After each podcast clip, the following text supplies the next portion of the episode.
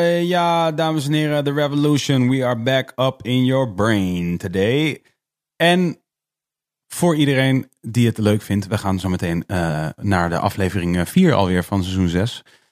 Maar voordat het zover is, wil ik eventjes jullie wijzen op het volgende. Dat is petje.af slash wilde haren. Daar kunt u ons supporten door middel van een donatie. Doe dat dan ook graag, want dat helpt in het maken van deze podcast. Uh, elke week weer zijn we hier gezellig. Ook al is het koud. Het is kouder. Het is kouder dan normaal, maar we zijn weer hier. En uh, dat is mede dankzij de sport van de mensen die zijn gegaan naar petje.af slash wilde haren. En een kleine donatie um, aan ons ja, hebben gegeven. Iedere week weer. Onze dank is enorm. Wat je natuurlijk ook kunt doen is gaan naar youtube.com slash wilde haren de podcast. Instagram.com slash wilde podcast. Of twitter.com slash wilde de pc. Of even gaan naar de iTunes podcast app. Al waar je op zoek kunt gaan naar wilde haren de podcast. En daar kun je ons uh, reten met vijf sterren. Daar kun je een commentje achterlaten en zeggen hoe geweldig je het wel niet vindt. Om elke week weer te luisteren naar Wilde Haren de podcast. Doe dat dan ook alsjeblieft. Um, eh, maar je kunt ons natuurlijk ook uh, checken op Spotify trouwens. Heb ik er nog nooit gezegd, maar dat kan eigenlijk wel. Er zit ook Spotify. Je kan ons overal luisteren. Super gezellig, allemaal platformpjes. Maar ga vooral even naar al die kanalen en like, abonneer en follow. En do all that magic stuff that makes you people so interesting. Dan, nu gaan we dus naar aflevering 4 van Wilde Haren, de podcast seizoen 6. En vandaag hebben wij in de studio een neuropsycholoog. Um, hij uh, ja, studeerde neuropsychologie aan de Katholieke Universiteit van Nijmegen. Hij behaalde zijn doctoraal examen in 1991. Hij heeft gewerkt uh, met, met, met boxers en met atleten. Hij heeft gewerkt voor PSV, hij heeft gewerkt voor Chelsea. Hij heeft gewerkt voor allerlei voetbalclubs, Feyenoord, et cetera, et cetera, et cetera. En hij heeft ook boeken gepubliceerd um, met de titels de meest gestelde vragen over hersenletsel en het beschadigde brein. Het is een man die in ieder geval heel erg veel weet over je hersenpan en alle gevolgen van dien. Het is superleuk. We hebben volgens mij een heel interessant gesprek gehad en ik vond het in ieder geval heel leerzaam en inspirerend. Dus ik wens je heel erg veel plezier met Wilde Haren, de podcast. Aflevering 4, seizoen 6. En Erik Matser.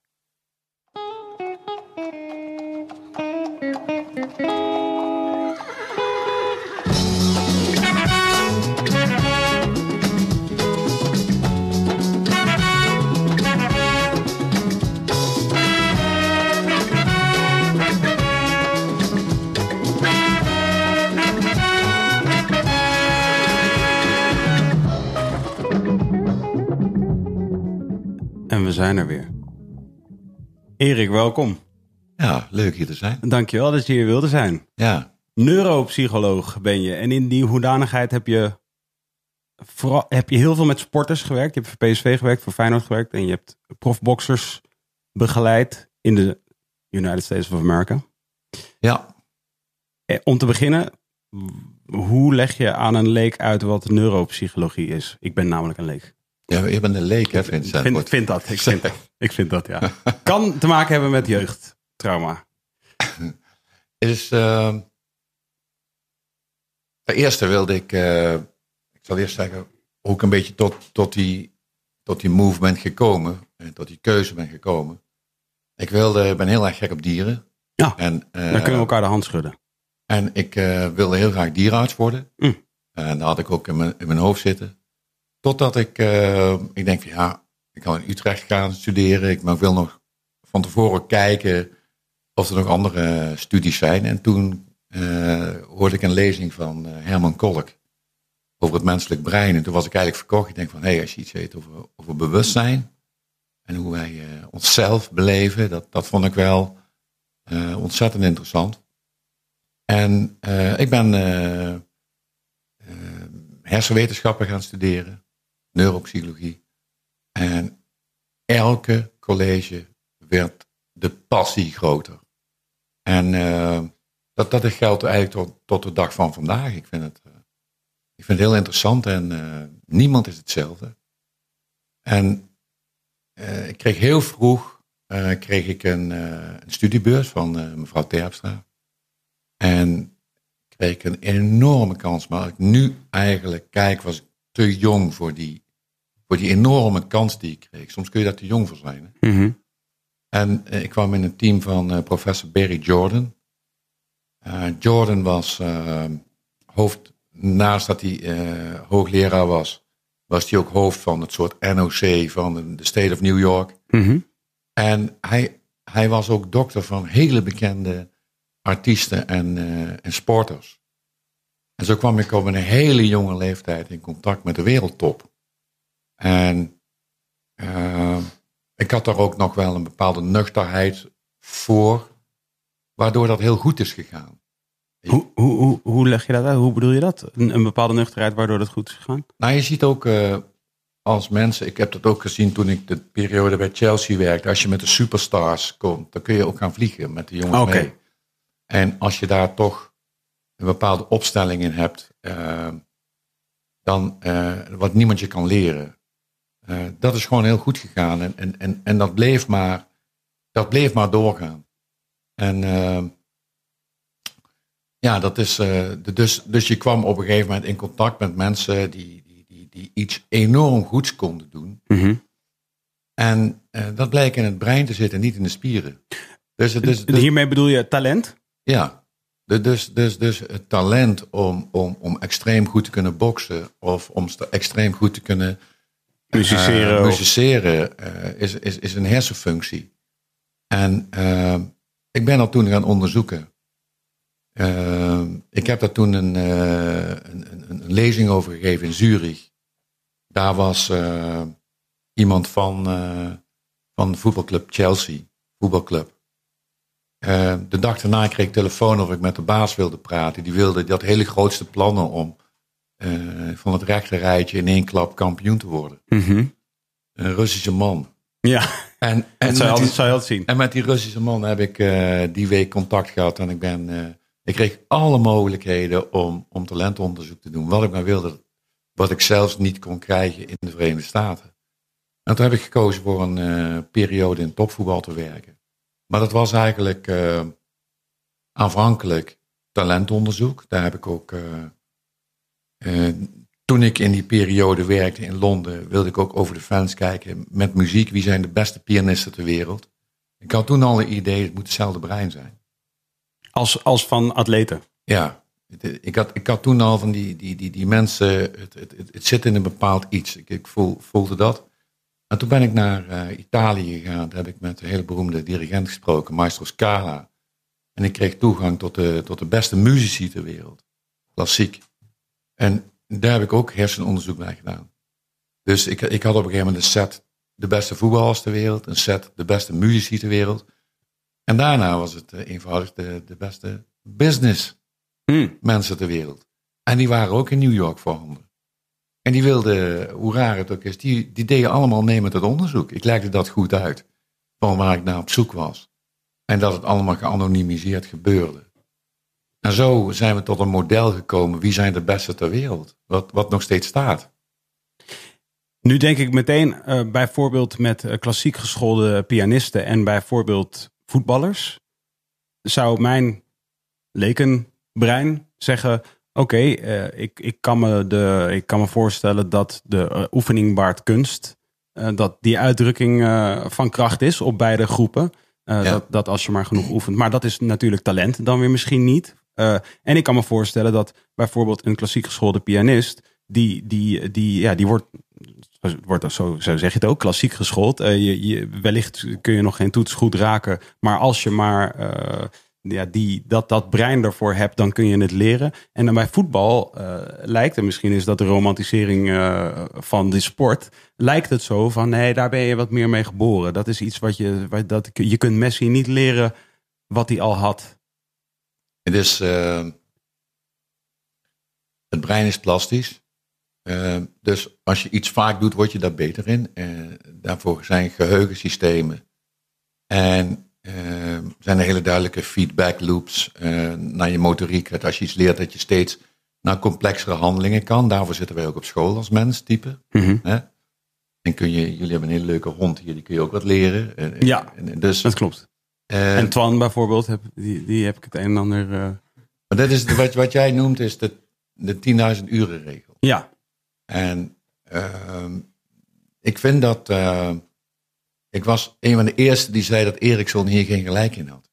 Professor Ericsson heeft de 10.000 uren regel als eerste beschreven. Mhm. Ehm, ik denk dat je met de 10.000 uren regel kun je van een normaal naar expert worden. Hm. Maar dan ben je nog geen talent. Ah, Ehm, je kunt bijvoorbeeld heel goed leren piano spelen, maar echt wat ik van, eh, laten we zeggen, André Gallo hoor of Alessandro Marino, dat is een hele andere orde. dat is een gave. Dat, dat, dat is, dus laten we zeggen, de, de, de, de gave in combinatie met de 10.000 uren regel maakt je de, de world class. Hm. Want het is niet zo dat je op je talent world class kan worden. Ja. Dan moet die 10.000 uur. Het is altijd blood, sweat en tears Ja. wat, daar, wat daarin zit. Hè? En, eh, maar je moet het wel kunnen. Ja, eh, ik, eh, er komt nu een meme door mijn hoofd. Eh, en eh, die gaat volgens mij eh, hard work beats talent if talent doesn't work hard. Helemaal, helemaal mee eens. Helemaal mee eens. En, dat, en, dan, en dan hebben we nog een andere factor. die ook nooit belicht is geweest. En dat is een heel belangrijk onderdeel van de psychologie. Is motivationele waarde. Is, eh, ik, ik, ik denk dat... er zijn heel veel mensen die, die, die, die, die doen die 10.000 uur vanuit een drive voor perfectionisme. En die halen het ook niet. Die worden ziek. Eh degene die het alleen maar halen, is die die 10.000 uur doen vanuit hun passie. Dus je doet iets wat, je, wat, in je, wat van je hart komt. Hm. Van je, waar je energie van krijgt. Ik vind ook perfectionisme eh, een totale anti... eh, een, een, anti-psychologie om heel goed te worden. Als, we hebben altijd met de absolute top eh, bespreek je perfectionisme. Dat, ik vind perfectionisme een angststoornis. Hm. En, en, en niet iets wat je goed maakt. Het breekt je enorm af. En eh, om iets heel lang vol te houden, bijvoorbeeld, ik heb eh, met superster in voetbal. Kun je de microfoon nog ietsjes dichterbij? Ik, ik weet dat het altijd een beetje ongemakkelijk is. Ja, alsjeblieft. Als je bij, bij, bij, bij het voetbal, de superstars met hele lange carrières, die hielden ook van voetbal. Ja, Bijvoorbeeld, ik, eh, ik heb enorm genoten van het interview van eh, Ronaldo. Echt eh, elke seconde. de laatste Ronaldo? Ja, de laatste Ronaldo-interview met Piers. Nog iets.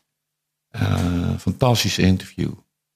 En, en dan, zie je, dan zie je de ware voetbalspeler, de ware superster. Ja, want daar, daar kun jij een, op basis van zo'n interview, daar kun jij eigenlijk al jouw neuropsychologische analyse al op, eh, op, op botvieren, min of meer. dat is een gigantische afwijking. In, in zijn brein bedoel je? Nee, In mijn brein. Oh, je kunt het niet loslaten. Je, je denkt dat altijd van, oh oké, dit draadje zit vast aan dat draadje en aan dat draadje. En daarom is hij wie die is.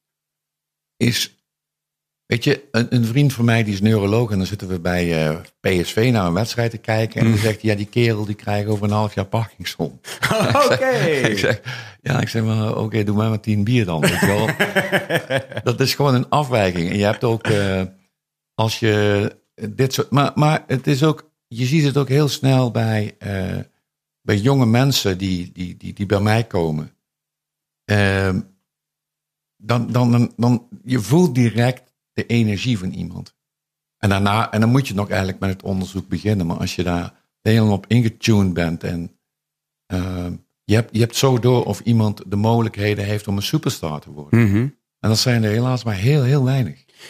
Kun je dan, voor iedereen die nu luistert en eh, haar of zijn hele wellicht prille leven heeft gedacht, ik denk dat ik dat ben. Kun je Hmm. dan sommige mensen nu misschien uit de droom helpen, dan wel ze motiveren het verder te exploreren als het, of het zo is? Dus wat, zijn de, wat zou je zeggen zijn de symptomen je- die je bij jezelf kunt herkennen dat superstardom erin zit? Het eerste begint dat je, dat je sneller denkt dan je omgeving. Altijd, ook, ook al eh, ben je niet een sportman, maar dat je altijd, eh, altijd een stapje voor ligt op wat iemand wil zeggen. Dat je direct weet waar het over gaat en dat je, in, in, in, in, dat je daar ook een toekomstige gedachte bij hebt. Dus dat je heel snel kan redeneren Mhm. en dat je er ook een toekomstige eh, gedachte bij hebt. En dat zijn die kinderen die vaak hun vinger opsteken in de klas. En die komen dan in de gehaktmolen terecht, want dat is lastig. Ah, Weet je, dat is, het is ook gelijk de tragiek ook. eh. en eh, dat is ook mijn, mijn strijd voor, dat we net zo goed voor hen moeten zijn als we voor de onderkant zijn. Nee, dat we dat moeten kunnen, meer, meer kunnen cultiveren. Ja, precies. Want het is eigenlijk een, een net zo precair een net zo precair, precaire situatie als eigenlijk de mensen die heel, heel, heel moeilijk hun eigen. Nou, als je bijvoorbeeld moeite hebt met lezen, eh, is daar een programma voor. Ja. Uh, je hebt dyslexieprogramma's en dat gaat door tot in je middelbare school. Ik heb niet, die bent dat niet dom, maar je hebt dan, je, je hebt dan, laten we zeggen, een bepaalde merkwaardigheid. Ja. Waar jij uh, in geholpen wordt. En ik vind ook die merkwaardigheid van heel snel kunnen denken en heel snel toekomstig stappen kunnen zien. Uh, dat is ook een merkwaardigheid waar ook heel veel aandacht voor moet komen. Ja. Want, dit, want uh, als je kijkt naar uh, deze mensen die, uh, ik noem ze type 1 personalities, die veranderen het oude in het nieuwe. Die gaan van, van 0 naar 1. Als je kijkt naar de, naar de 50 jaren, in, in, in 60 jaren in waarin mijn vader, laten we zeggen, zijn carrière opbouwde, daar was altijd tijd. Hè? En uh, dan was meer tijd. Je, had, je kreeg brieven per post. Hmm. Uh, dus je had tijd om over iets na te denken. Ja. Maar als je nou kijkt naar bijvoorbeeld een bedrijf zoals Nokia. Die hebben een jaar lang gedacht, we zijn er. En ze zijn de markt kwijt. Ik denk dat, uh, dat we nu mensen nodig hebben om bijvoorbeeld onze samenleving top te houden. Uh, die juist de hele tijd die verandering duwen naar een duizelingwekkend niveau. Want de wereld zit aan tafel in de cloud, in de apps, in de e-mails. Mm. Dus laten we zeggen, het, de, de, de snelheid van, van verandering is duizelingwekkend. En we hebben die duizelingwekkende breinen nodig om uh, Nederland of Ajax of wat je maar wil, ja. wat je maar wil, hè. Um, aan, aan de top te houden. Als je ook al kijkt, bijvoorbeeld, kijk eens naar 74 toen Johan Cruijff uh, zijn wonder losliet in Duitsland met het WK. Mm -hmm. En hoe, hoe, hoe de snelheid nu is van bijvoorbeeld het Nederlands elftal. En hoe, dat, dat, dat is geen vergelijk. Je, ja. hebt, geen, je hebt geen tijd meer. Nee. Je, je, je moet nu, laten we zeggen, one touch. Ja. One touch play laten zien. En dat is ook in de muziek, dat is ook in, in, in, in alles. Ja. En dat is in feite ook weer een soort uh, analogie voor het leven in, in het algemeen. Toch? Van je hebt eigenlijk die tijd niet meer. Het is one touch. Alles is. Als Alles je, als is one touch play. Ja. Alles is one touch play. En, uh, en, en we zien ook, uh, laten we zeggen, vanuit de politiek, uh, die hele krampachtige verwurging om die one touch play maar in, in, onder controle te blijven houden. Mm -hmm. Terwijl mijn, terwijl mijn slogan is, je moet het juist loslaten. En je moet geen regels doen, maar je moet, je, je moet de mensen die de nieuwe wereld maken, de ruimte geven. Die moet je de ruimte geven. En je moet die mensen uitleg vragen over die ruimte. En dat is wat we niet doen. We zijn daar wat angstig voor. Mm -hmm. sluiten ons op en we gaan alles in controle. Maar moet je kijken als ik bijvoorbeeld als dokter werk, wat ik moet doen aan controle. Dat is ongelooflijk. Ik ben de hele dag bezig met controle van een derde. Ja. Laat mij gewoon mijn werk doen en ik denk dat ik het kan. Ja. He, en, uh, maar je moet alles vastleggen waarop een derde jou kan checken. Ja. En, en, en, en daar zie je die, die, die, die enorme angst die er is voor verandering. Ja. Terwijl ik moet, ook, het, ik moet ook nu denken aan een, aan een quote van Bill Gates. Ik weet niet waarom, waarschijnlijk omdat ik die ergens vandaag of gisteren misschien gezien heb. Maar hij zei, uh, hij zei ik geef het moeilijkste werken altijd aan de luiste mensen, want die Ja. verzinnen de kortste weg. Ja, Ja. ja, die, maar, maar ja, ehm, Gates, Musk, Jobs, die snappen het. Ja. En eh, Jobs vroeg altijd iemand in de lift, wat kom je hier doen? Ja, ja. Dan waren er maar een paar met een goed antwoord. Wat- was het antwoord dan? Antwoord was altijd, er klopt iets niet. En dan was het goede antwoord. Dan, dan, dan ben je aan het analyseren. En eh, ik oh, denk, zo, ja. ik denk ik, ik, ik, dan, dan ben je je werk aan het analyseren. Ook al ben je eh, de boel aan het schoonmaken. En dan zeg je, nou, dat klopt niet daar aan het UWC. Ja. Of de- die hal, dat klopt niet. Ja. Iedereen struikelt over die ingang. En, eh, dus, dus, dus, Ja, het is grappig dat je dit zegt, als ik, als ik even mag. Want ik, ik, dus ik vertelde net even voordat we hieraan begonnen, vertelde ik dus van, oh ja, eh, eh, binnen dat wat ik aan het doen ben, eh, eh, merk ik dat er ook steeds meer eh, vraag is. Of tenminste, ik word steeds vaker uitgenodigd om af en toe eens een keer een praatje te komen doen. En, dit, en waardoor ik dus heel erg moet gaan nadenken over wat het eigenlijk is dat wij aan het doen zijn. En ik had het er gisteren over met een collega van mij. En toen zei ik van, ja, ik zat dus na te denken over wat wij aan het doen zijn. En toen dacht zei ik van, volgens mij is het gewoon zo dat wij bedenken wat we graag willen.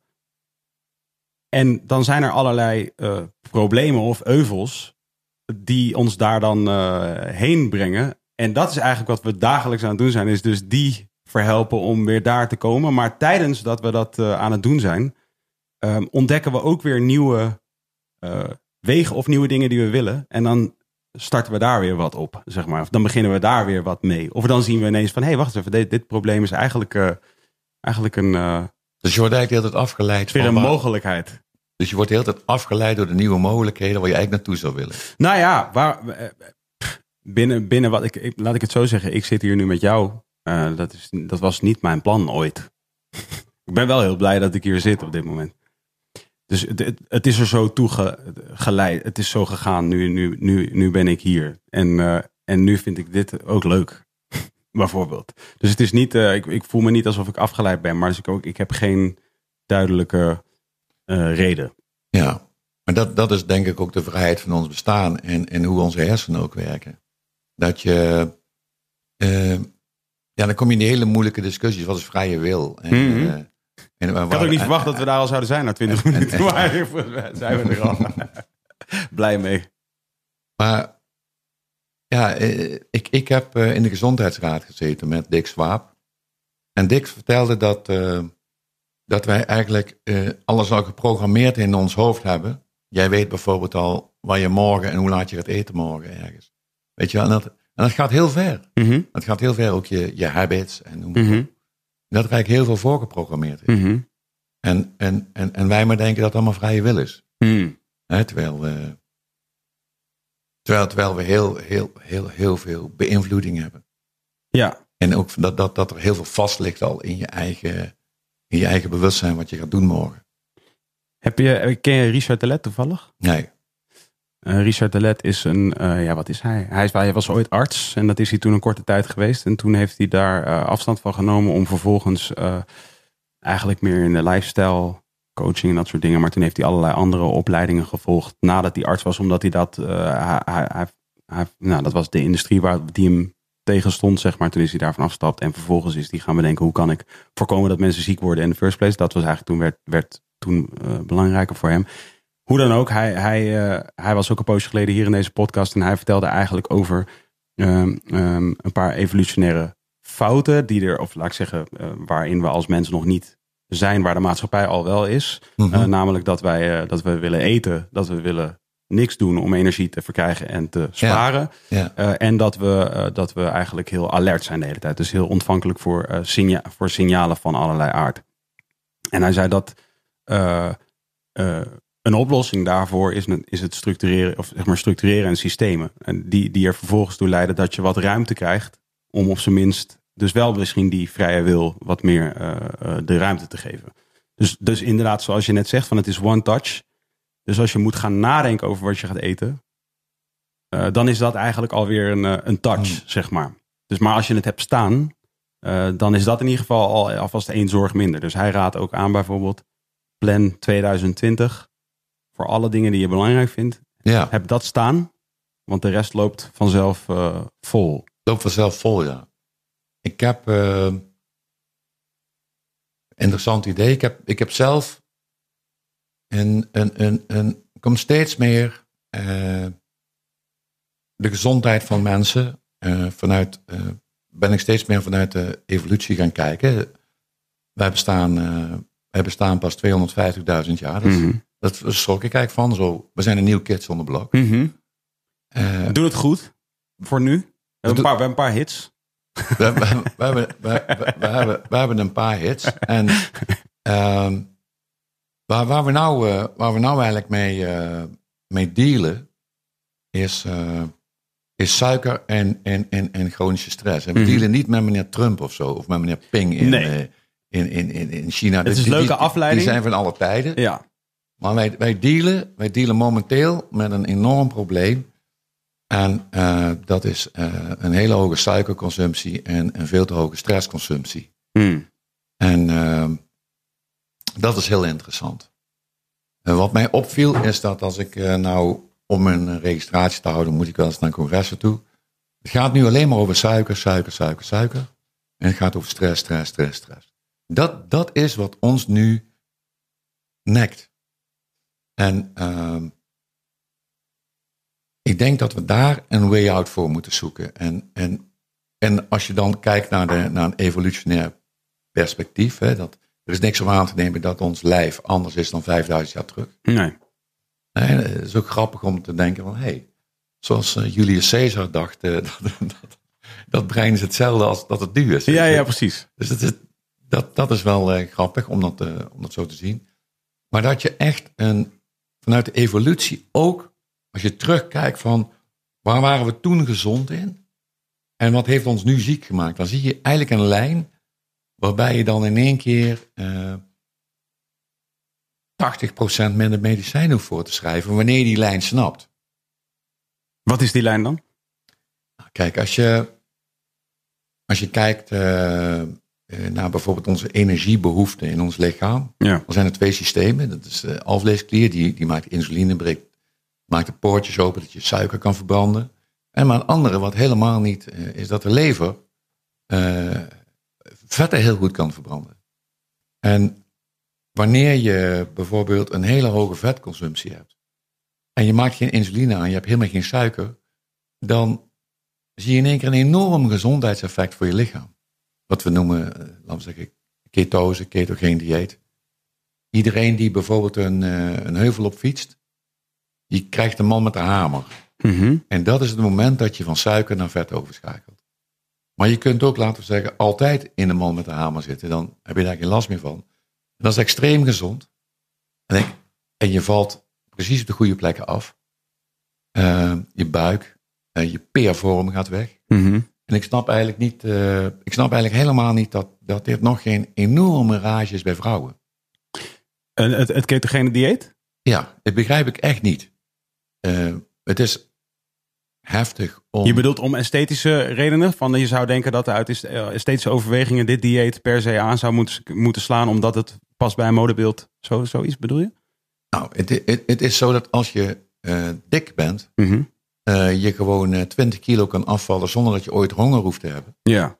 En je valt precies als vrouw op de goede plek af. Ja. Dus, dus ik, Hier vind... zullen, ik hoor nu in mijn hoofd een paar vrouwen protesteren, maar ik snap wat je bedoelt. En, en, Sorry. En, en, en de, dus bijvoorbeeld, maar, maar ook de gezondheidseffecten zijn extreem. Um, we weten ook dat bijvoorbeeld, uh, uh, als je kijkt naar bepaalde bevolkingsgroepen die een, een, een, een, laten we zeggen, een dieet hadden met veel dierlijk vet, en heel, met bijna geen suiker, dat bijvoorbeeld Alzheimer en hart- en vaatziekten daar bijna niet voorkwamen. Mm -hmm. En die gaan ons McDonald's eten. Ja, uh, en die pakken. gaan in één keer helemaal nat. Ja. En die gaan in één keer helemaal om. In één keer hele hoge percentages, dementie, uh, hart- en vaatziektes. Ja. En, en dat is wel een heel interessant fenomeen om dat, om dat te bezien. Ja. En wat er nu ook in sommige bevolkingsdelen ook aan de hand is, dat wanneer je het omdraait, dat je dan ook weer die gezondheidstoestand ook weer positief omdraait. He, dat die verschijnselen ook verdwijnen. En, en dat, dat zijn zaken die, als je dat kijkt, laten we zeggen, in een sociologisch perspectief, die kunnen miljarden winst op, opleveren aan, aan kosten die je niet hoeft te betalen, aan farmaceutische industrie. Uh, dat vind ik heel interessant. En ook. Uh, maar hoe doen we dit? Door te vertellen. Ja, wat, door te cultiveren is dat, dat zeg maar. Wij, door... wij praten er nu over. Ja. Wij praten er nu over. Uh, in een hele kleine club mensen in de neurowetenschappen op de klinische congressen wordt dit verteld. De, de kritiek is groeiende, maar ook de resultaten zijn groeiende. Weet je, dus dat is een heel interessant fenomeen. Hoe verhoudt zich dit? Want ik denk als je bijvoorbeeld kijkt, stel je voor dat het wel een effect zou hebben op de ontwikkeling van Alzheimer. En je kunt door een voedingspatroon eh, dat, eh, laten we zeggen, heel erg sterk reduceren, omdat je een bepaalde mechaniek uitschakelt. Nou, dat is, dat is natuurlijk extreem interessant. Mm -hmm. En als ik zie hoeveel jonge mensen bij mij komen die eh, nou, we hebben het trouwens in Nederland over, over 1,2 miljoen mensen die hebben diabetes. Ja, dit eh, weet ik. Die, die, die, die hebben dus een, een, laten we zeggen, een zoveel suiker dat hun lichaam het niet meer kan verwerken. Dat is wat er aan de hand is. Mhm. Dus die alvleesklierfunctie, die, dat gaat minder. En, en als je daar iets naar voor kan doen met gewoon iets anders, waardoor je gezondheid in één keer explosief toeneemt. Ja, ik vind, dat- ik vind dat wel. Ja, je hield van dieren en dan kan je het krijgen. Ja. Dat vind ik, dat vind ik extreem interessant. En, en dat bedoelde ik ook met evolutie. Dat als je kijkt naar eh, evolutionaire aspecten, dan kun je die dingen eruit halen die, die echt heel gezondheidsbevorderend zijn. En wat we ook zien in eh, de snelheid, wat Dutch Play, dat eigenlijk ook heel veel jonge mensen, eh, of die kunnen het niet volgen, of die hebben daar angst voor, die willen, die willen meedoen, maar eigenlijk kan hun brein het niet volgen. Mhm. Die, Je bedoelt, die willen meedoen met de maatschappij en, en, en, en de Die- one die- touch, die- die- het one systeem dat we dat die, en, die, en, en die staan 24-7, 365 aan met het One Touch Play. Ja, Apps, e-mails, eh, alles volgen, alles. En dat kan, dat kan dat brein niet aan. En we hebben nou bijvoorbeeld een miljoen mensen die zijn te moe om te werken vandaag. ja burn-outs. Burn-outs, maar ook gewoon te moe. Ja, Gewoon niet meer mee, niet meer eh, kunnen werken. Omdat Mhm. je op bent. Jonge mensen die aan mijn tafel zitten, die gewoon hun leven als een inkzwart gat zien. En niet omdat ze een hele forse depressie hebben, maar gewoon helemaal op. Hun hersenen zijn helemaal op.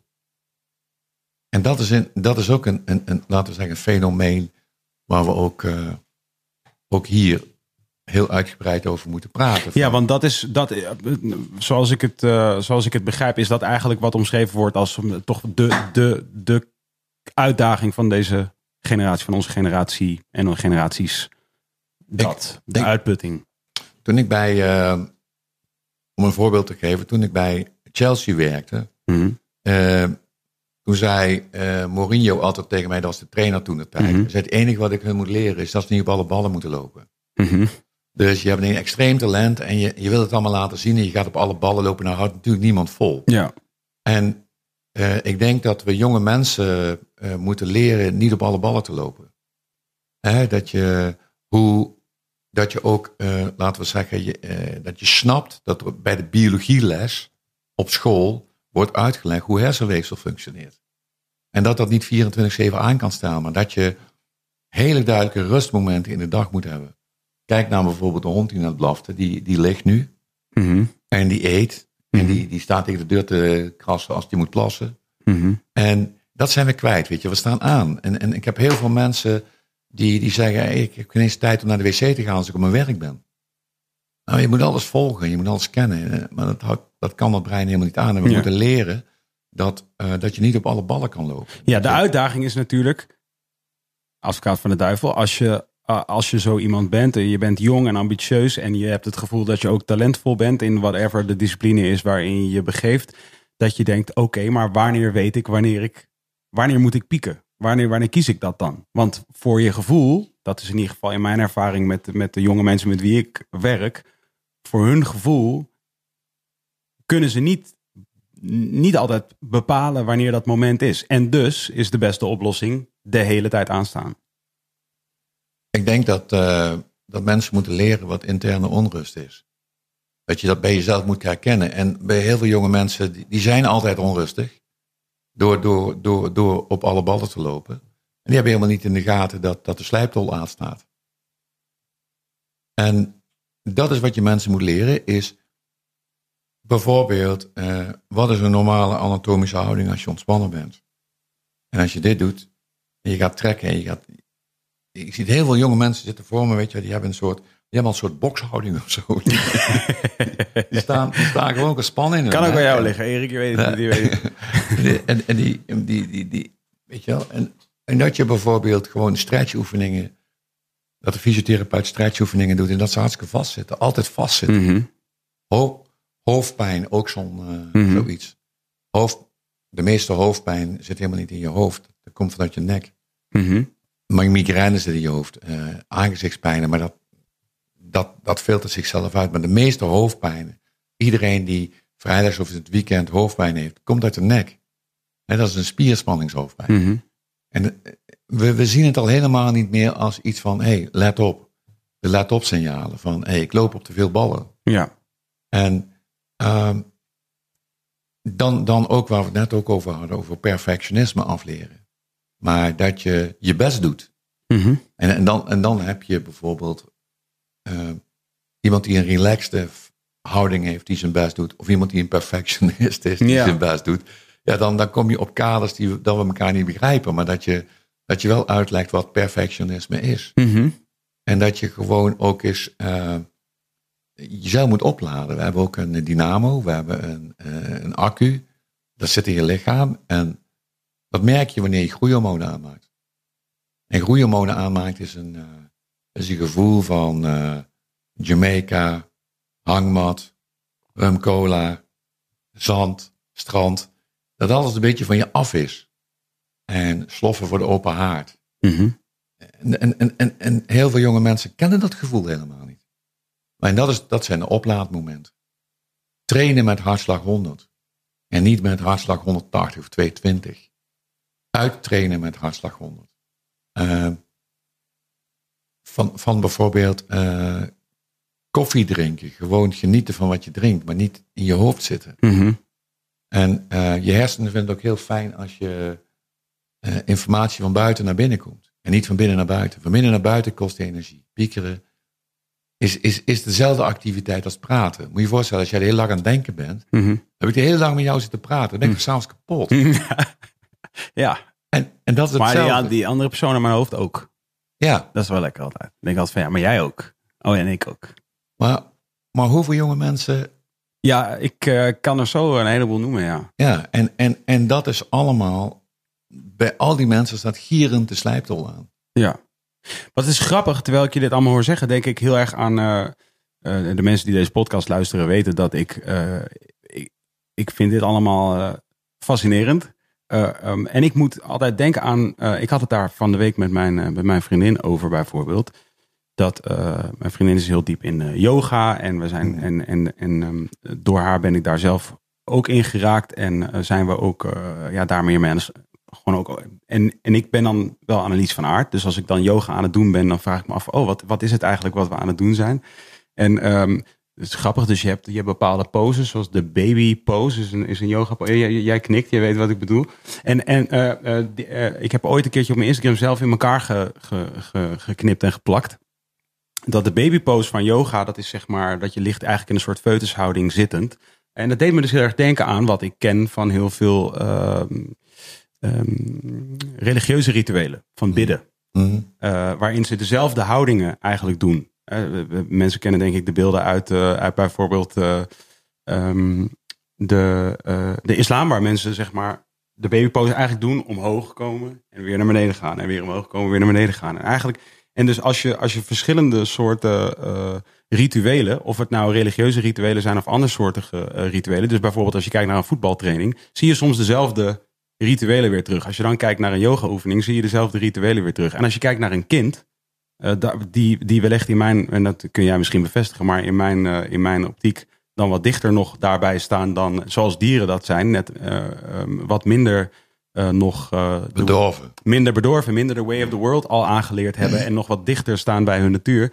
Die zie je ook hetzelfde doen. Als ze moe zijn, gaan ze ook in die, gaan ze ook liggen weer in die foetushouding. En, en eigenlijk rekken ze hun joints op of hun, hun eh, eh, rekken ze op en, en doen ze eigenlijk allemaal dingen een soort vol automatisch. En dat lijken we inderdaad te verliezen. Maar ik vraag mij ook af, en ik ben benieuwd wat jij ervan vindt. Ehm, eh, ja, dus hier zien we inderdaad, Twan heeft hier even wat babyposes gevonden. ja, ik moest dus specifiek die links onderin, Twan. Dat is eigenlijk degene waar ik, eh, waar ik zelf, eh, links onderin, ja. Die, ja. Dat is waar ik zelf aan moest denken. Ja, de die bijvoorbeeld. Ik heb een keer daar een soort, zelf een soort collagetje van gemaakt. Van, dit is dan yoga, maar dit vind je dus ook nou ja, in, in heel veel rituelen, religieuze rituelen. Maar soms zie je het dus ook in, als, als een voetballer gescoord heeft, Ja. wil hij ook wel eens zo op het veld gaan liggen. En, toen, en dat zag ik ineens van, hey, dit, eigenlijk ze doen allemaal hetzelfde. En dit is dus ontspannen, dit is een soort ontspannen na het, eh, na het pieken. Eh, wat, ik, eh, wat ik gewoon grappig vond om daar een soort patroon in te herkennen. Maar dat, eh, eh, ehm, wat ik mij afvraag, in hoeverre, want volgens mij heb ik ook vandaag een artikel gezien. Twan, ken je dat als je, als je dat hebt? Een artikel dat ging over waarvan de kop een beetje een, eh, een inkopper was. Maar de, de kop leek te zijn: uh, lichaamsbeweging blijkt goed voor het brein. Dat kun je vast beamen. En um, toen dacht ik ook ineens van, en dan vaak als dit soort theorieën, ja, dus being young, active and physically fit may be very good for your brain. Mm. It may be very good for your brain is de, is de titel van het. Uh, heb, je, heb je dit toevallig meegekregen? Stond in de New York Times. En uh, de inhoud ervan is dus uh, basically, Finn, en corrigeer me even als ik het verkeerd heb, maar gewoon er is uit onderzoek gebleken, fitte mensen hebben ook een fitter brein. Ja, dat is... Geen verrassing voor jou. Nee. Dat, is... dat, dat, New York Times dit nog kopt in 2019 is eigenlijk al baffling. Dat is, dit is volstrekt common sense in, in de geneeskunde. Ja. Het is natuurlijk niet. Eerst zijn we altijd het hard gaan trainen, weet je wel. Dat was goed. Uh, joggen, weet je nog. En ja. We moesten gaan joggen en dat was heel goed voor je hart en je longen, wat ook zo is. Maar dat het ook goed voor je brein was, daar kwamen ze later ook achter. Ja.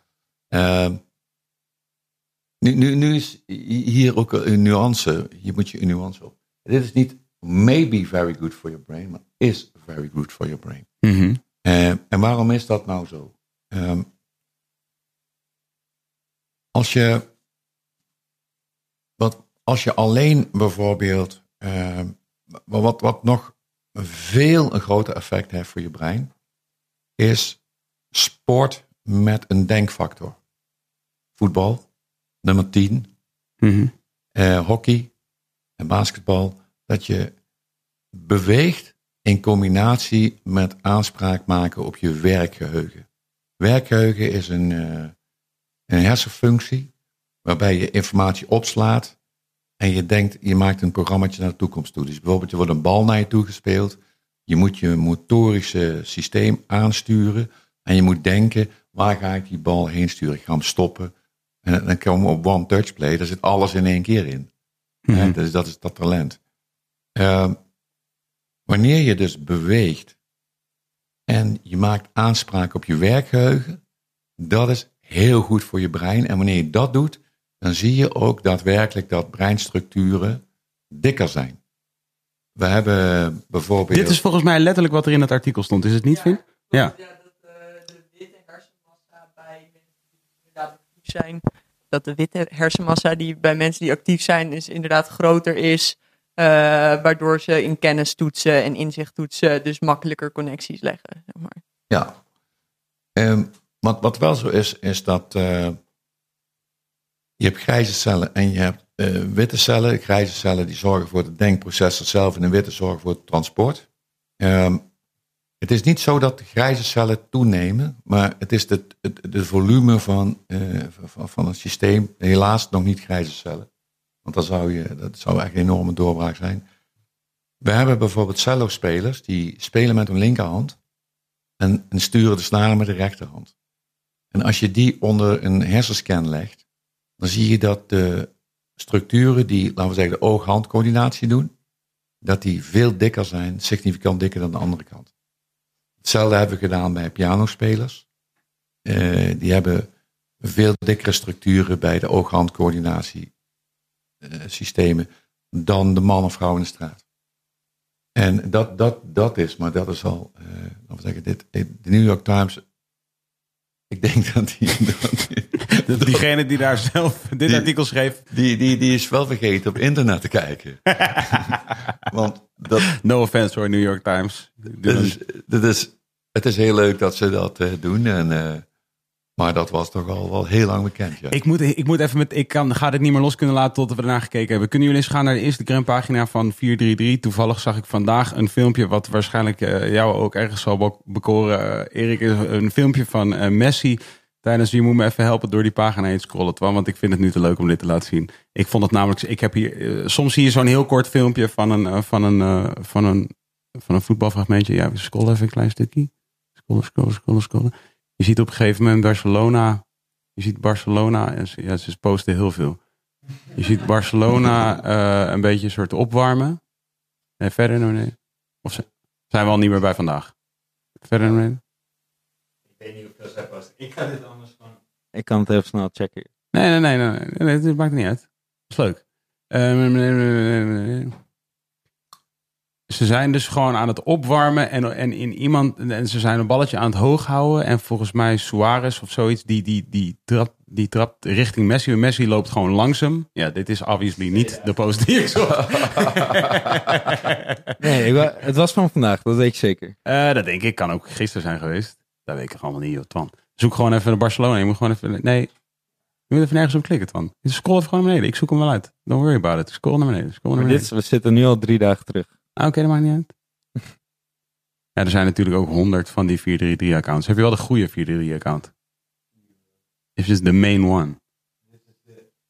Dat is wel de main one, ja.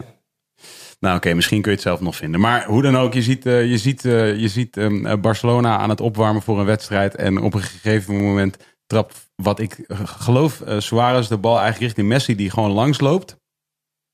Messi, Messi is helemaal niet aan het participeren in Nee. dat hooghouden. Krijgt de bal tegen zijn rug. Die bal die kaatst soort van awkwardly schuin omhoog. Hij draait zich om en echt zo tik. En hij tikt alsnog.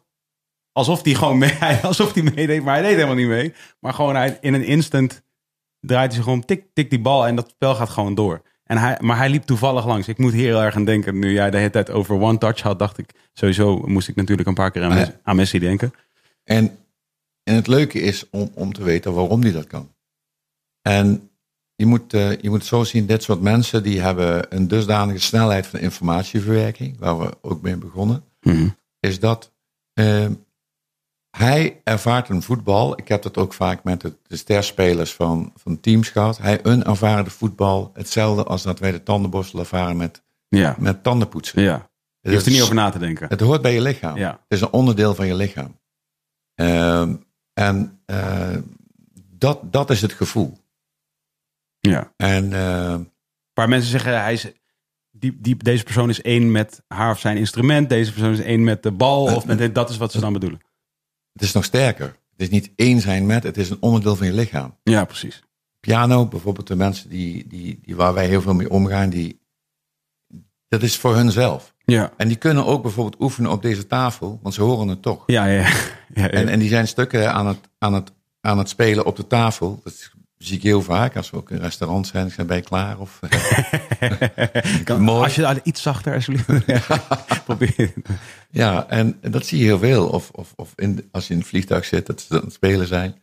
En dat maakt voor hen niet meer uit of het piano is of dit, want het geluid zit er toch in. En het is een onderdeel van je lijf geworden. En met voetbal is dat ook zo. En bij, bij baseball, honkbal, basketbal helemaal verschrikkelijk. Die, je ziet die jongens en die vrouwen ook gewoon eh, alsof er elastiek aan die, aan die bal zit. Ja, dat is gewoon een onderdeel van, van, van jezelf. Heel interessant. Ik had, sprak onlangs met een eh, goede vriend van mij, die dus ook toetsenist is. En die vertelde dat hij zijn eh, zoontje nu. hij geeft zelf pianoles, maar zijn zoontje die, die leerde nu piano via een app. En hij zei van ja, hij zei ja, eigenlijk heel kut, want ik besef nu dat dat, dat is mijn, dat was eigenlijk wat ik deed. Ja, Maar hij zei, eh, wat, wat zijn zoontje dus nu leert, is eigenlijk door een app als, eh, als, als het ware een computerspelletje. Dus eh, ze zeggen gewoon C en dan druk je op die toets, zo'n soort ding. Dus het wordt dat die toetsen worden spelletjes. Dus het is niet eens een muziekstuk. Mhm. Het is gewoon, je begrijpt dat als Ja. je deze kleur ziet, druk je op die toets. Als je die kleur ziet, doe je Ja. op die toets. En die app is in, gegoten in een spelletjesvorm, waardoor ze eigenlijk liedjes leren spelen. Maar ze, maar ze registreren, registreren het niet als het liedje wat ze zijn gaan spelen. Maar ze registreren, registreren het als een computerspel. Ja. Waardoor ze wel uiteindelijk alsnog dezel, precies dezelfde... eh, voor, voor, voor, voor hun eh, heb je een. eh, het it makes sense. ja, En ik heb dat ook aan, aan André Gallo gevraagd. Die, die, die kwam uit een, eh, laten we zeggen, uit een arme omgeving. Waar totaal geen piano aanwezig is. De buren hadden een piano, een cottage piano. En hij met drie jaar, ting, ting, ting, eh, de, de, de afstanden van de witte plekken en de zwarte plekken. En het made sense to him. Ja. En met vijf jaar kon hij Mozart spelen. ja, ja, ja. Het made sense. Weet je, dus het, dat, dat is ook dat overstijgende denken. En eh, ja, dat, dat. Dus je hebt, eh, laten we zeggen, Messi, is dat hij die bal op zijn rug geschoten krijgt. Hij ervaart de bal als een onderdeel van zijn lichaam. En interpreteert in die split second precies wat hij moet doen. Ja. Ja, dat is niet zoveel gegeven. Nee. Ehm, dat is ook bijvoorbeeld. eh, eh, daar hebben we ook altijd heel veel discussie over gehad. Over bijvoorbeeld Mike Tyson. Ik, ik zei altijd: hij is hoogbegaafd. En iedereen denkt bij hoogbegaafd dat hij dan een natuurkundeprofessor moet zijn. Mhm. Ja, want hij kwam voor, de, voor, voor, de, voor, de, voor de leek niet als een bepaald hoogbegaafd persoon over als hij interviews doet toen hij twintig was. Zeg maar. Nee, het is, eh, het is, het is dus, laten we zeggen, de, de hoogbegaafdheid liet hij zien door zijn motoriek. Door bijvoorbeeld, eh, kijk, elke zwaargewicht stoot hard. Mhm. Hij stootte hard. Iedereen zegt, hij staat- stoot verschrikkelijk hard. Nee, hij was zo snel. Hij, hij zag gelijk het, het, het, laten we zeggen, de, de, de opening bij zijn tegenstander, waar, waarbij hij direct kon handelen. En dan met die power van een man van 110 kilo. Ja, dat was het verhaal. En eh, het was ook het eh, verhaal dat je bijvoorbeeld eh, die, dat, je, dat je specifieke hoogbegaafdheid hebt voor specifieke sporten. En dat hij slecht is in interviews. Ja, die jongen had niet op Eton gezeten zoals Boris Johnson. Mhm. En daar spreekt dus Overigens vond ik zijn interview altijd eh, very entertaining, maar ik kan me- volgens bepaalde standaarden waren het slechte interviews, ja. Maar Tyson heeft ook hele goede interviews gegeven. Ja, Echt, echt ook ehm, waarbij mensen ook eens tijd hadden om hem te kunnen interviewen. ja. En ook eens vragen, wat, maar wat betekent Bedford Stuyvesant? Wat kun je mij vertellen wat, wat dat is? En, en toen vertelde hij altijd stress, eh, geen mogelijkheden, armoede. En daarom die handschoenen. Waarom knokken? En, eh, en enorm geluk gehad dat, dat iemand in een opvoedingsinstituut dat talent van hem zag. Hier zeg je wel iets interessants. Is dit het filmpje, Twan? Heb je het gevonden? Meen je dat nou? Finn heeft. Je hebt het hele, Ja, internet, hele internet afgestruind. Zeker. Ja, wel fijn, want dan heb ik het uit mijn systeem. Ja, zullen we dat even uit je Ik kon, niet, ik kon niet rusten. Ja, dit is inderdaad het moment. Het? Ja, dat is toch, ik vond dat echt eh, redelijk magisch. Poep.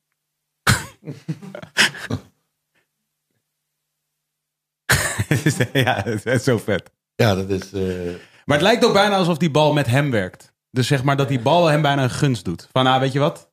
Je doet toch mee. ja, zo, weet je wel. Ja, echt heel sick. Maar dit, is- dit is een voorbeeld daarvan. Zou ik zeggen. Nee, het, eh, je hebt het nu over eh, dus de omgeving van eh, Mike Tyson. Die maakte dat hij in die discipline, box, de boxsport... ehm, eh, het, duw- het duwde hem naar, naar het boksen toe. ja, Ehm, waarbij hij natuurlijk ook, laten we zeggen, een, een lichaamstype had. met een bepaalde snelheid. In zijn motoriek, wat- waardoor hij ook eh, daar enorm succesvol in kon zijn. En ehm, dat zie je ook bijvoorbeeld. eh, die, die, die, die omgevingskenmerken van, van, van Tyson in zijn interviews. Zie je ook bijvoorbeeld heel mooi met Cruyff. De hoogbegaafdheid. En waarbij hij niet vanuit een gymnasiumcontext komt, hè, maar vanuit de straat, eh, voetbal. mhm.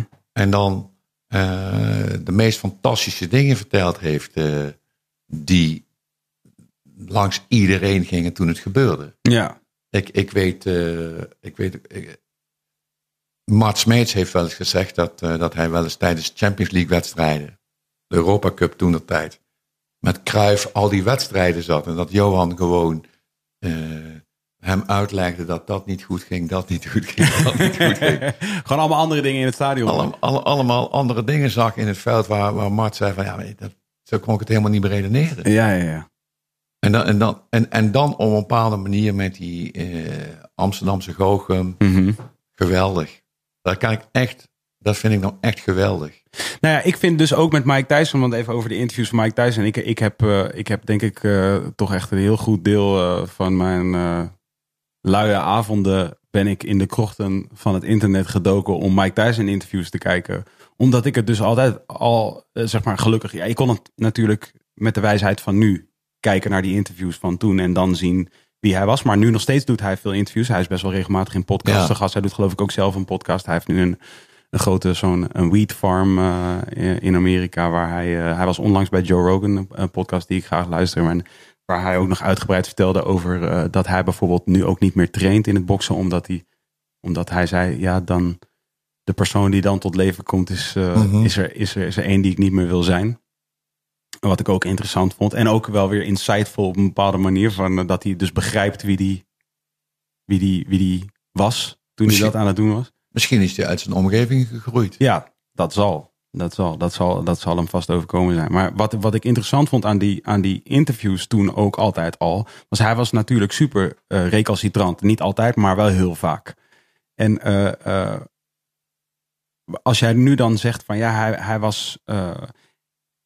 Het was natuurlijk niet wenselijk zoals hij zijn interviews deed. En de dingen die hij vaak zei. Hij vloekte veel op televisie. Ja. Hij, hij was met enige regelmaat tegen verslaggevers eh, ja, onbeleefd. Of nog iets meer dan onbeleefd. Bijna eh, eh, agressief. En, maar wat er interessant aan was, is van hoe ik het dan registreer, is dat hij was ook een vechter in die interviews. En, en, en hij deed het met de wapens die hij had. Maar hij vocht hetzelfde gevecht. En wat ik er heel vet aan vond altijd, kijk, en ik kom uit de Mhm. rapcultuur, of in ieder geval, ik, ik ben eh, groot fan van de rapcultuur en daar ook voor een goed deel in opgegroeid, waar daar zijn eh, ehm, eh, gelijkenissen tussen veel sporters uit de Verenigde Staten en rappers uit de Verenigde Staten, die vaak in dezelfde omgevingen zijn opgegroeid en dus ook een soort ehm, zelfde pakket aan, aan kwaliteiten daaraan overhielden. Ehm, wat ik er interessant aan vind, is dat als je even de, de vorm waarin hij sprak eh, voor lief neemt, dus bijvoorbeeld het schelden of wat dan ook, maar de, de tactiek die hij er vaak op nahield in zijn interviews, die vond ik heel interessant, omdat dat, dat gaf Hmm. toch iets eigenlijk weg over zijn, ook over zijn vechten. Hij was een hele eh, resolute ehm, bokser en ook een hele, resolu- hele resolute spreker. Dus van, het- en het, het stond mensen dan veel al wel niet aan, maar het gaf wel weer hoe hij in de wedstrijd zat. Het stond het establishment niet aan. Nee.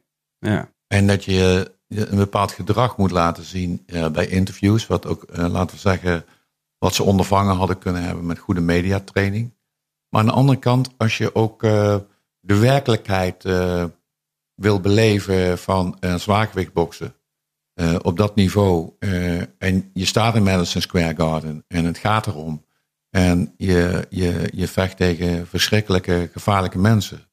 Ehm, heel veel mensen hebben die bal helemaal nooit geplaatst eh, tijdens de interviews met Mike. Mhm. Van, eh, vertel, vertel, vertel nou gewoon eens, ik merk dat je heel veel... ja, ja, wat voel dat, je? dat je dat, nee, maar ik merk dat je, dat, dat, dat, dat je iets doet, maar wat wil je me eigenlijk vertellen? Ja, ja, Die cleverness hebben heel weinig interviewers gehad. ja, En degenen die het wel hadden, die kwamen met juweeltjes van interviews weg. Ja. En dat hij wel kon vertellen van. En dan zag je ook in één keer dat er een breekpunt was. Dat hij dat hij dan ook emotioneel werd. Mhm.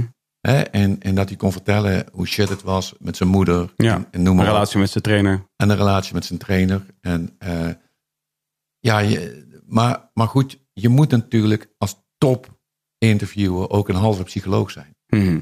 En dat je echt eh, ook goed de achtergronden van iemand bestudeert. Dat je dat op een bepaalde manier probeert als een sleutel open te krijgen. Om te kijken wat voor drive geeft dat voor jou voor je top performance. Ja. Ik, vind dat, ik vind dat een hele. Kijk, eh, mensen zijn een deel van hun omgeving. ja, precies. En je ziet nou dat hij in een minder eh, gewelddadige omgeving omgaat. En dat hij ook minder gewelddadig wordt. Mhm. Je bent een spons, je hersenen zijn een spons van de werkelijkheid. Mhm. En dus ik, ik vind eh, zelf dat het komt heel zeldzaam voor dat, eh, dat men iemand of een dusdanig persoon heel goed kan interviewen. En alleen een lichaamshouding, dat, je, dat als hij dat doet, dat je rustig blijft. En dat je, je, je moet, eh, en, en dat was bijvoorbeeld eh, toen hij eh Evander Holyfield zijn oor eh, afbeet na alle waarschuwingen gehad te hebben. Hè? Want dat is ook iedereen vergeten. Mhm. Hij deed twee Hij deed- keer. Ja, klopt. Hij deed twee keer. En dat hij daar zelf ook van baalde. En dat hij eh, bij Oprah Winfrey, die had wel de rust. En die begon eerst met hem over een heel ander onderwerp. Terwijl ze wist dat Evander Holyfield in de coulissen stond. Want Mike moest gewoon als sport, als sportman zijn excuses aanbieden. En dat zou hij nooit doen als hij in een, weet je alweer, in dat, in die state kwam. En toen begon ze te vertellen van nou, oké, we leg eens uit hoe is dat nou kunnen ontstaan. En toen brak die en toen was ook die omhelzing met Holyfield. En toen, was, toen had hij ook Amerika weer gewonnen. Ja.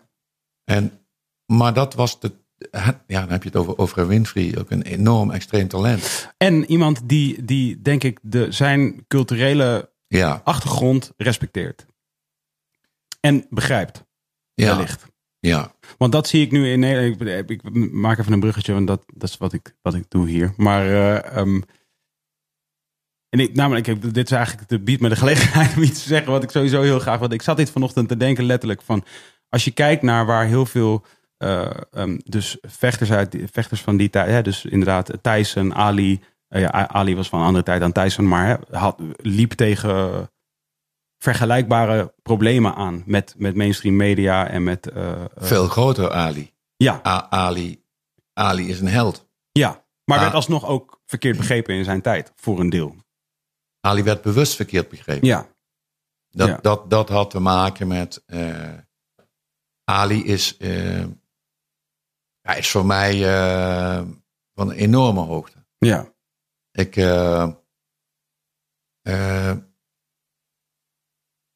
Bijvoorbeeld het, het, het, het dienstweigeren voor eh, Vietnam. mhm, En de ideeën die daarachter zaten in gelijkwaardigheid. Ali is heel vaak vergeten in, in, in, in, in hoe sterk hij is geweest. Hè? In, voor één man om, om dat allemaal te dragen. en, en om, je moet weten hè, dat als je uit de vechtsport komt, wat het betekent om wereldkampioen zwaargewicht boksen te zijn. Dat, dat, dat is meer dan je leven. En om dat op het spel te zetten voor een ideaal. Hoe, wie doet dat? Nou heb je ja, Mandela, Mhm, Hè, eh, eh, veel vrou- enkele vrouwen in de vrouwenbeweging die, die ervoor gaan. Die, die ook dingen opzij kunnen zetten. Maar hij, hij was er ook een van. mhm. Jazeker. En, en, en dat was ook, laten we zeggen, de reden voor Will Smith om Ali te spelen. Ja, ja, ja. Om, om, om, om die story te brengen. Nou, en nu, wat, wat ik, wat, bruggetje wat ik heel graag wil maken, en dus dat, dat zeg ik met, met eh, diepe respect voor, eh, voor, voor Ali en, en alle grootheden uit, eh, uit, uit, uit die tijd en uit de recente eh, geschiedenis die, die dat inderdaad deden. Maar waar- ik nu dus zelf tegenaan loop van ik, ik eh, ehm, ehm, werk dus bij een platenlabel waar wij eh hip-hop muziek uitbrengen. Waar dus ook veel jonge mensen eh, zich uitspreken eigenlijk. En ik moest hier aan denken omdat ik zat te denken aan recente podcasts die ik hier gedaan heb. Waarin ik onder andere ook veel, eh, veel raps, artiesten sprak. Uit, uit Nederland dan. En toen, eh, toen moest ik ineens denken aan van hoe, hoezeer er dus nog steeds door, door vandaag de dag door media eh, in Nederland zo, zo, zo makkelijk het label onbehoorlijk persoon of on, on- onbeleefd persoon of, of onbeschaafd persoon of dergelijke labels worden geplakt op mensen die, eh, ehm, die zich uitspreken zoals zij tussen aanstekens geleerd hebben zich uit te spreken. Eh, en daarmee bedoel ik gewoon de, hun omgeving, eh, de cultuur waarin ze, waarin ze opgroeiden. dat wat ze meekregen met, met, met alle kwaliteiten van dien, maar ook alle beperkingen in wat, wat er zeg maar wenselijk wordt geacht van, of wat er wenselijk, ja, wat er wenselijk wordt geacht van hen en van iedereen. En, eh, en terwijl als je het dus inderdaad hebt over, eh, weet ik veel, Nina Simone of zo, of Ja. over, over, over eh, ja, de, de classics, die zich ook die zich ook u- uitsprook, Ja. uitspraken in die tijd. die destijds niet tussen aanstekens begrepen werden. Of ni- niet altijd. Natuurlijk ook wel door, door enkele wel. En door, en, maar zeker niet door iedereen. En dat ik denk van hoe kunnen we nou nu niet weer zien... dat we weer te maken hebben met, eh, zeker in dit land bijvoorbeeld... wat een toch een grote culturele melting pot... Hè, waar, we, waar, we, waar we af en toe dan mondjesmaat trots op zijn... Eh, maar op andere momenten ineens weer doen alsof van, oh, wat gek dat deze persoon niet weet eh, hoe die moet praten op televisie bijvoorbeeld. Of eh, dat, dat, dat, die, dat deze persoon niet weet dat het, dat het in Nederland gebruikelijk is om heel bescheiden te zijn als je op, eh, als je op televisie zit en dat je daar dan dat je, dat je, dat je, dat je, je, je credit niet mag nemen bijvoorbeeld. En dat, dat dat dan niet wordt gewaardeerd. En dat komt omdat ik hier onlangs dus een, vorige week een rapper had. Die dus heel erg wordt gewaardeerd door, door media.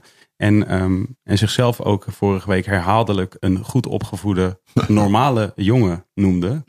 En eh, dat heeft me gewoon, eh, dat wilde ik eigenlijk gewoon heel graag zeggen. ik dacht, oké, laat ik het daar deze aflevering, als ik het de kans toe zie, dan ga ik dat nog even zeggen. Maar ik, dat heeft me best wel dwars gezeten deze week, eigenlijk. Dat hij dat zei. En niet omdat ik het hem kwalijk neem, maar wel omdat ik, dat ik zie dat dus door mainstream media er een soort van begrip is voor wat hij zegt. Mm. En een soort onbegrip is voor wat eh, sommige andere eh, meiden en jongens zeggen. Die, eh, Ik- die an- op, van een andere plek komen. Ik, ik, ik denk zelf dat, dat het heel moeilijk is. Ik denk dat het echt heel moeilijk is om de puurheid van iemands talent heel goed te doorgronden en de verpakking niet zo op te letten. Ehm, Ja. Eh, Voetballers zijn natuurlijk ook dankbare voorbeelden hiervan. Heel veel voetballers in het verleden. Wielrenners. Bijvoorbeeld. ja. Echt. En, ehm, maar dat je. Ik, ik denk ook hè, dat. ehm, er wordt ook heel veel. Heel veel mensen die in de media-industrie werken.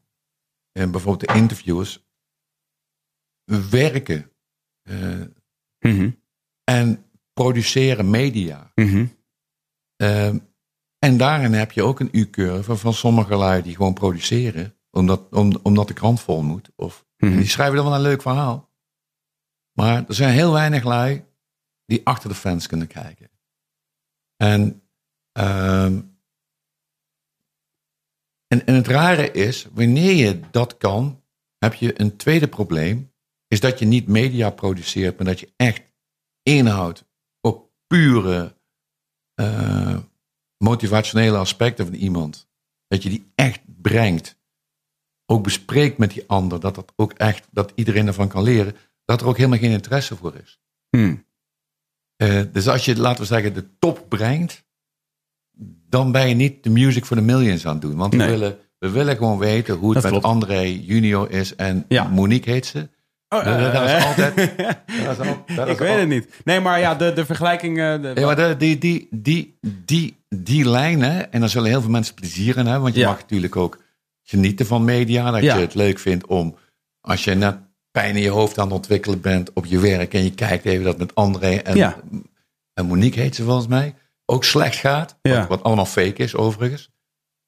Dat, dat, eh, dat mag je produceren, maar de hele topdingen, hè, zoals bijvoorbeeld wel eens, eh, als je wel eens interviews zag met Oliver Sacks of zo, of eh, Jane Goodall, die echt iets, iets vertelde over wie we zijn. Daar is dan ook niet, laten we zeggen, een, een miljoenen publiek voor. nee. Maar Ik heb het gevoel dat daar wel nu een, iets van een paradigm shift gaande is. Laten we het hopen. Ja, dat er, er is. Ik heb wel het idee dat er zeker, er zeker op het internet, wat natuurlijk eh, precies zoals je net zegt, van er is, er is, eh, er is natuurlijk, er is heel veel nu, want de lijnen zijn kort.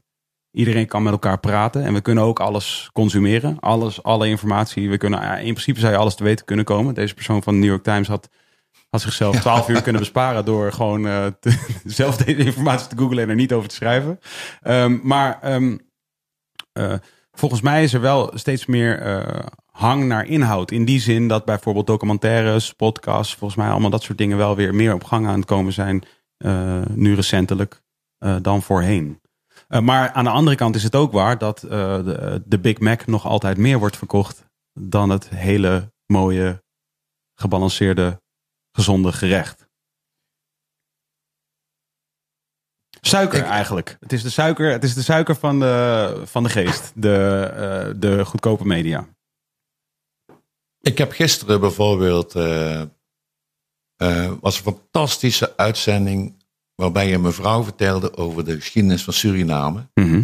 En daar zat een hele bekende nieuwslezeres bij. En dat was zo ontzettend interessant. En je zag gelijk dat dat was puur. Dat was echt. En, en je zag dat iedereen in het onderwijs. Was, ja. En Umberto Tan kon hele goede voorbeelden geven naast Matthijs. Om dat interview naar een hele grote hoogte te krijgen. Dan denk ik, Umberto, wat is er met jou gebeurd aan die tafel? Ja. Als jij dit kan, Ja. dan wat is er met jou gebeurd? dat je deze gave hebt. En die hebt met, met een paar spelpunten. Hij had precies in de gaten wanneer hij haar moest helpen. En dat deed hij zo ontzettend goed. Waarom is het dan mislukt dan? En, en, en dat komt omdat hij volgens mij naar de blubber werd geduwd. Hmm. Terwijl die, die, die, die, die, die man ziet het ook. Die ziet ook hoe. En of hij deed het te vaak. Eh, maar Ja, dat kan ook, ja. dat, dat kan ook. Dat je het gewoon veel te vaak moest doen. Of zo. Dat, dat hij misschien één keer in de twee weken het had moeten doen. En dat bijvoorbeeld iemand anders dat ook had moeten doen. We waren, we waren toen straks, we hadden het net even heel erg over boxers. En, en eh, dat, dat is waar jij zelf eh, op een gegeven moment eh, je heel lang mee bemoeid hebt. Wat was voor jou de, de, wat was voor jou de, de fascinatie met eh, ehm, ehm, wat er met boxers en voetballers specifiek gebeurde met hun brein? En wat, wat, wat de risico's waren die ze liepen en wat, en wat de je- gevolgen daarvan waren? Dan moet je de ontwikkelgeschiedenis eh, weten. Er was een, eh, in de tachtige jaren, eh, kwam er iets over de wereld wat we niet begrepen. Het was, er werden jonge mannen het meest ziek en die ontwikkelden ook een dementie. Mhm. En, en dat, dat, dat, dat, dat was een meest vreselijke aandoening. En ehm, Jordan was de eerste die, die, die, die dat ziektebeeld in Herkende. beeld bracht. En Mhm. ik, ik mocht voor, voor, voor, voor, voor de Nederlandse staat mocht ik meekijken over zijn schouder en ook onderzoek doen. Er waren er drie groepen. Eh, had je mensen die oplosmiddelen gebruikten, die, die ontwikkelden een dergelijk beeld. En mensen die contactsporten deden, ontwikkelden een dergelijk beeld. En later bleek het natuurlijk gewoon de HIV-dementie te zijn. Mhm. wat, is, die- wat zijn oplosmiddelen trouwens? Eh, benzine, eh, schilders, schildersziekte. Eh, dat je, dat je eh, oplosmiddelen van aardolieproducten, dat is slecht voor je brein. Nou los je de hersenen van op. Dus dat was de reden dat ik. eh, en toen kwam je in de, laten we zeggen, in de fascinatie van de sport, die, waar we het net ook over hadden, wat heel erg met je hart te maken heeft. Waar je in het vuur van het letterlijke gevecht. Hè, je ziet ook dat bijvoorbeeld nu de Champions League, de clubs, spelen, spelen ook op vuur. Alleen bij, bij boksen is het het meest dodelijke confrontatie. Mhm. Dat is echt man-to-man. Ja. En het was vreselijk om te zien dat in die toestand, die ook vaak, laten we zeggen, omgevingsbepaald is, waar we het net ook over hadden met Tyson, dat je dan meer naar het eh, boksen wordt geduwd dan naar de conservatorium, een pianist te worden. En dat 1, op de 10 eh, dement werd door die sport voor zijn dertigste levensjaar. Dat, dat, dat vond ik echt explosief slecht. En eh, Waarvan Ali een, eh, een van het bekendste voorbeeld is. Maar Ali is, laten we zeggen, dat was nog vrij laat in zijn boksgeschiedenis. Ali had de laatste wedstrijd tegen Larry Holmes nooit mogen boksen. Toen Mhm. had hij al echt verschijnselen van Parkinsonisme. Kon gewoon zien, hij was, zijn gelaat was niet meer, geen mimiek. Zijn benen, weet je, echt dat, dat starre zat er al bij hem in. Hij had nooit dat mogen doen.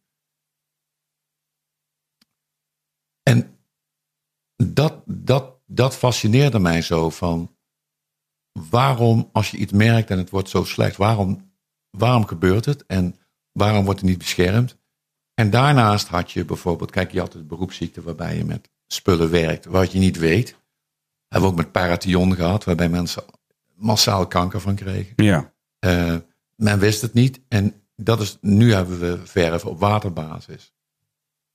En eh, die, dat je ook bijvoorbeeld een sport had, waarvan we allemaal dachten dat is gewoon hartstikke gezond, maar dat je de bal verplaatste met je hoofd. En in het amateurvoetbal, dat is nog een, een hele andere verhaal dan bijvoorbeeld eh, ik heb dat gemeten bij, eh, bij Chelsea toen ik daar werkte. Maar een corner gaat met 80 km per uur. En dan doe je nog de meest dramatische omstandigheid. Is dat je nog een slaande beweging maakt met Ja, je hoofd. ja, ja. Is echt, Dus- je loopt maar naar een muur en Ja, en, het is, muur. dus bijvoorbeeld, je hebt eh, wat we weten van de letselmechaniek, is een lineaire beweging is slecht voor je brein. Maar een draaiende beweging van het hoofd met een klap is heel erg slecht voor je brein. Hm. Dus dat was de reden om onderzoek te gaan doen naar de effecten van koppen. En die bleken ook bij de profvoetballers ook significant te zijn. Oh, Dus hoe vaker je de bal kopte, hoe slechter ook je brein functioneerde. En eh, dat was een totaal nieuw iets. Zo nieuw dat, eh, dat het ook in het boksen eh, ook tot maatregelen leidde. En op de een of andere gekke manier heb ik het ook bij de FIFA in de medische regels kunnen krijgen. Terwijl dat de meest oerconservatieve uh, instituut is wat de wereld kent. Die, de FIFA. Ja, dat, die zitten nog steeds op een medisch niveau van voor Julius Caesar. Ja, is dat zo? Ja, daar verandert niks. Als je kijkt naar veldhockey of naar rugby, hè, met een hele snelle opeenvolging van medische vernieuwing, heel erg up-to-date. rugbyconferenties medisch zijn gewoon een must voor iedereen die wel wil weten over nekletsels knieletsels, hersenletsels. American voetbal, idem dito, die zijn ook bijgedraaid. En dan voetbal gewoon oer en oer conservatief. En toch hebben we het, uh, die regels voor, om, om, om die mensen te beschermen op het veld wel doorgekregen. Wat zijn die regels dan? Dat je niet door mag spelen met een hersenschudding. Uh, boksen is, je wordt aangeslagen en je krijgt acht seconden, daarna kijkt de scheidsrechter of je door kan. Bij, bij het voetbal was het gewoon bewusteloos liggen, opstaan, sponsen en weer door. Ja. En nog tien ballen koppen. Uh, dat, dat was echt vanuit de middeleeuwen. En uh, ja, dat is nou sinds een jaar of acht is dat geregeld dat dat niet meer mag. En nu moet het voetbal eigenlijk de stap maken dat ze de rugbyregels kan volgen. Dus dat iemand dizzy is, dat hij even tien minuten onderzocht kan worden, dat er dan een wisselspeler speelt. En ik snap niet wat daar de weerstand tegen is, moet ik je eerlijk zeggen. Dan komen we met spelregeltjes, maar het leven van iemand is toch veel belangrijker ja. dan een spelregel waar iedereen plezier gewoon van heeft. Ja. Je wilt toch niet dat iemand, uh, dat, dat bijvoorbeeld altijd als er iemand overlijdt in de boksring. Is staat de hele wereld is, even stil? Staat de wereld stil. En heel, altijd als er iemand overlijdt in het voetbal, staat de wereld even stil. En dat moet je voorkomen. Dat moet je niet willen. Ik, ik begrijp die hele discussie überhaupt niet. Is het een soort primal drift om de gladiatoren te zien sterven? Wellicht? Ik, ik, ik, denk dat het veel meer onkunde is. Als het dat zou zijn om de gladiatoren te zien sterven, dan ben je met een ziek, ziek iets bezig. Dat is het niet. Uh, maar ik denk gewoon een enorme onkunde van hoe dat brein werkt. Uh, niemand heeft in de gaten dat je nek eigenlijk gewoon een soort koperen buis is met nog fragieler met een, met een, met een vermicelli staaf daardoorheen. En doe maar een koperen buis aan de kant van een, van een tafel tikken. Hoe kwetsbaar het is. Hmm. Hersenen is een soort calamaris. En, en er zitten hele scherpe botstructuren. En dan keihard ballen verplaatsen. Ik denk als je uh, mensen die buiten deze aarde, eh, laten we zeggen intelligente wezens buiten de aarde, die weten hoe ons hoofd in elkaar zit. En die zitten naar een voetbalwedstrijd kijken. die, zullen, die zullen direct ah, laat maar, we wachten wel even af. Dit, die zeggen, dit die zeggen, die zeggen dit, dat moet je niet doen. ben, jij, ben jij er eentje?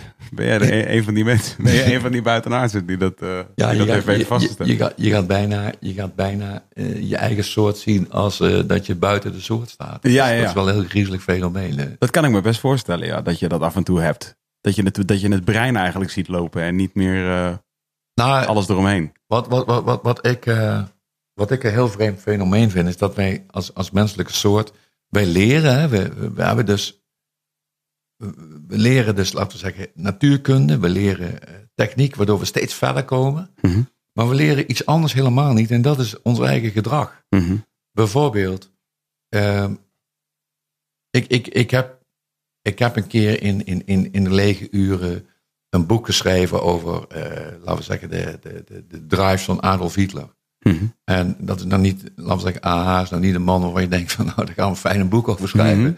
Maar ik vond het wel belangrijk. Ja, uh, ja wat, wat, hij- wat, wat hij- dreef hij- hem? hij, hij, hij, wordt, hij wordt als een, een monster weggezet. Maar hoe, hoe, hoe kan een monster nou een hele natie achter zich krijgen? Hoe kan een monster nou zorgen dat terwijl alles al verloren is, dat men doorgaat? Ja, Dat, dat was mijn eh, Fascinatie. fascinatie. En toen ik, laten we zeggen, zijn. eh, ik heb ook hele mooie, mooi materiaal gekregen van, van, van, van, van, van Rusland. Maar ook met echte beelden nog van hoe hij op de berghoofd zat met al dat andere nazi-tuig. Eh, weet je wel, en dan wordt de fascinatie alleen maar groter. Alleen maar groter, groter, groter. De fascinatie wordt daarna helemaal groot als je weet dat er daarna gewoon op de wereld weer hetzelfde gebeurt. Hmm. Eh, de Rode Khmer, Mhm. hè, met, eh, met, met, met, met weer genocide. Met exact dezelfde patronen. Met exact dezelfde patronen. Het bovenkomen drijven van mensen die, laten we zeggen, het niet zo nauw nemen met morele waarden. Mhm. Omdat ze die niet ervaren vanuit zichzelf. En een enorme power hebben om andere mensen naar zich toe te trekken. En dat heb ik helemaal bestudeerd. En toen dacht ik van, als we nou Hitler achter de rug hebben. Waarom krijgen we de hele tijd weer opnieuw een tweelingbroertje van hem voor de kiezen? Dat, moet, dat, dat begrijp ik niet. En toch gebeurt het. Dus wij hebben als mens, als menselijk soort, kunnen wij heel goed techniek leren. Maar we kunnen ons eigen gedrag, naarmate onze leiders, kunnen we het niet. Hmm. Want het gebeurt de hele tijd weer opnieuw. En er moet gewoon een periode verstrijken. Willen we weer opnieuw in die rattenklem trappen. Dat vind ik, nadat ik mijn boek had geschreven, en daar was ik wel een buitenstaander van. Ja. Maar zie je dit niet dan? Maar is dit een dysfunctioneren in het menselijk brein? Ik, ik- net wat ik zeg, ik denk dat wij een manco hebben om, om, om leadership heel goed te, te, Te handhaven te, of te te- analyseren. Ja, oh ja.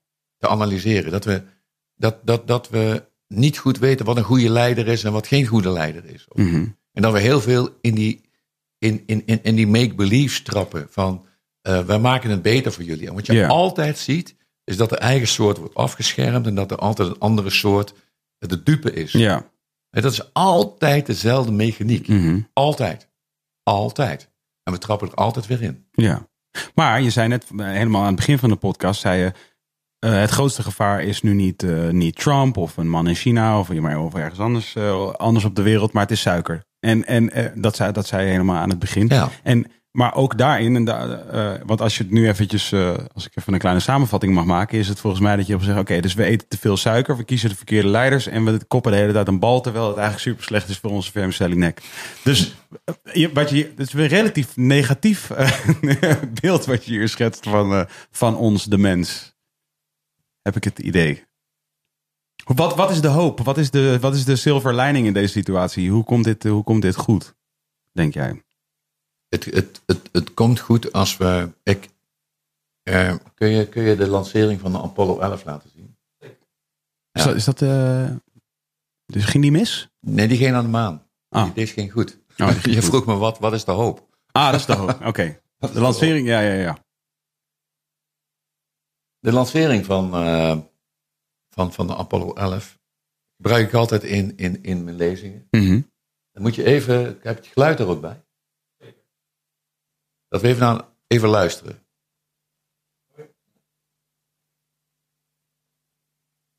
Eh, Guidance is internal. 12, 11, 10, 9. Ignition sequence start.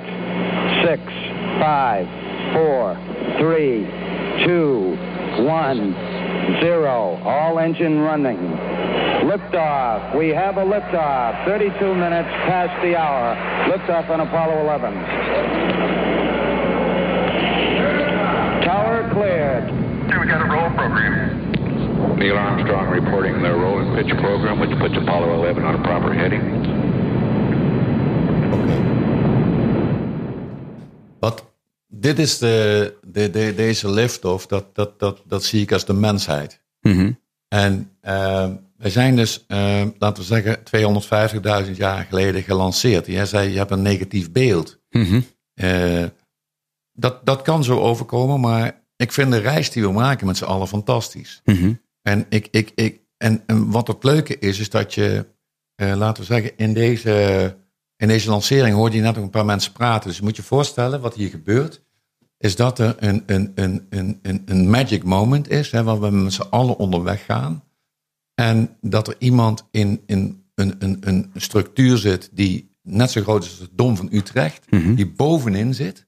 Die wordt afgeschoten en in de derde seconde van het afschieten hoorde je dat Neil Armstrong Ja, rustig zei dat het allemaal goed ging. rustig zei dat het allemaal goed ging. Ja. En die had dus over. Die, had dus, die zat dus niet Ja. in, in, in de emotie. Die, die, die, die zat gewoon, het gaat goed. Ja. En die man die heeft, ik weet niet, eh, mijn zoon heeft wat een keer uitgerekend, wat een enorm krachtenveld dat is.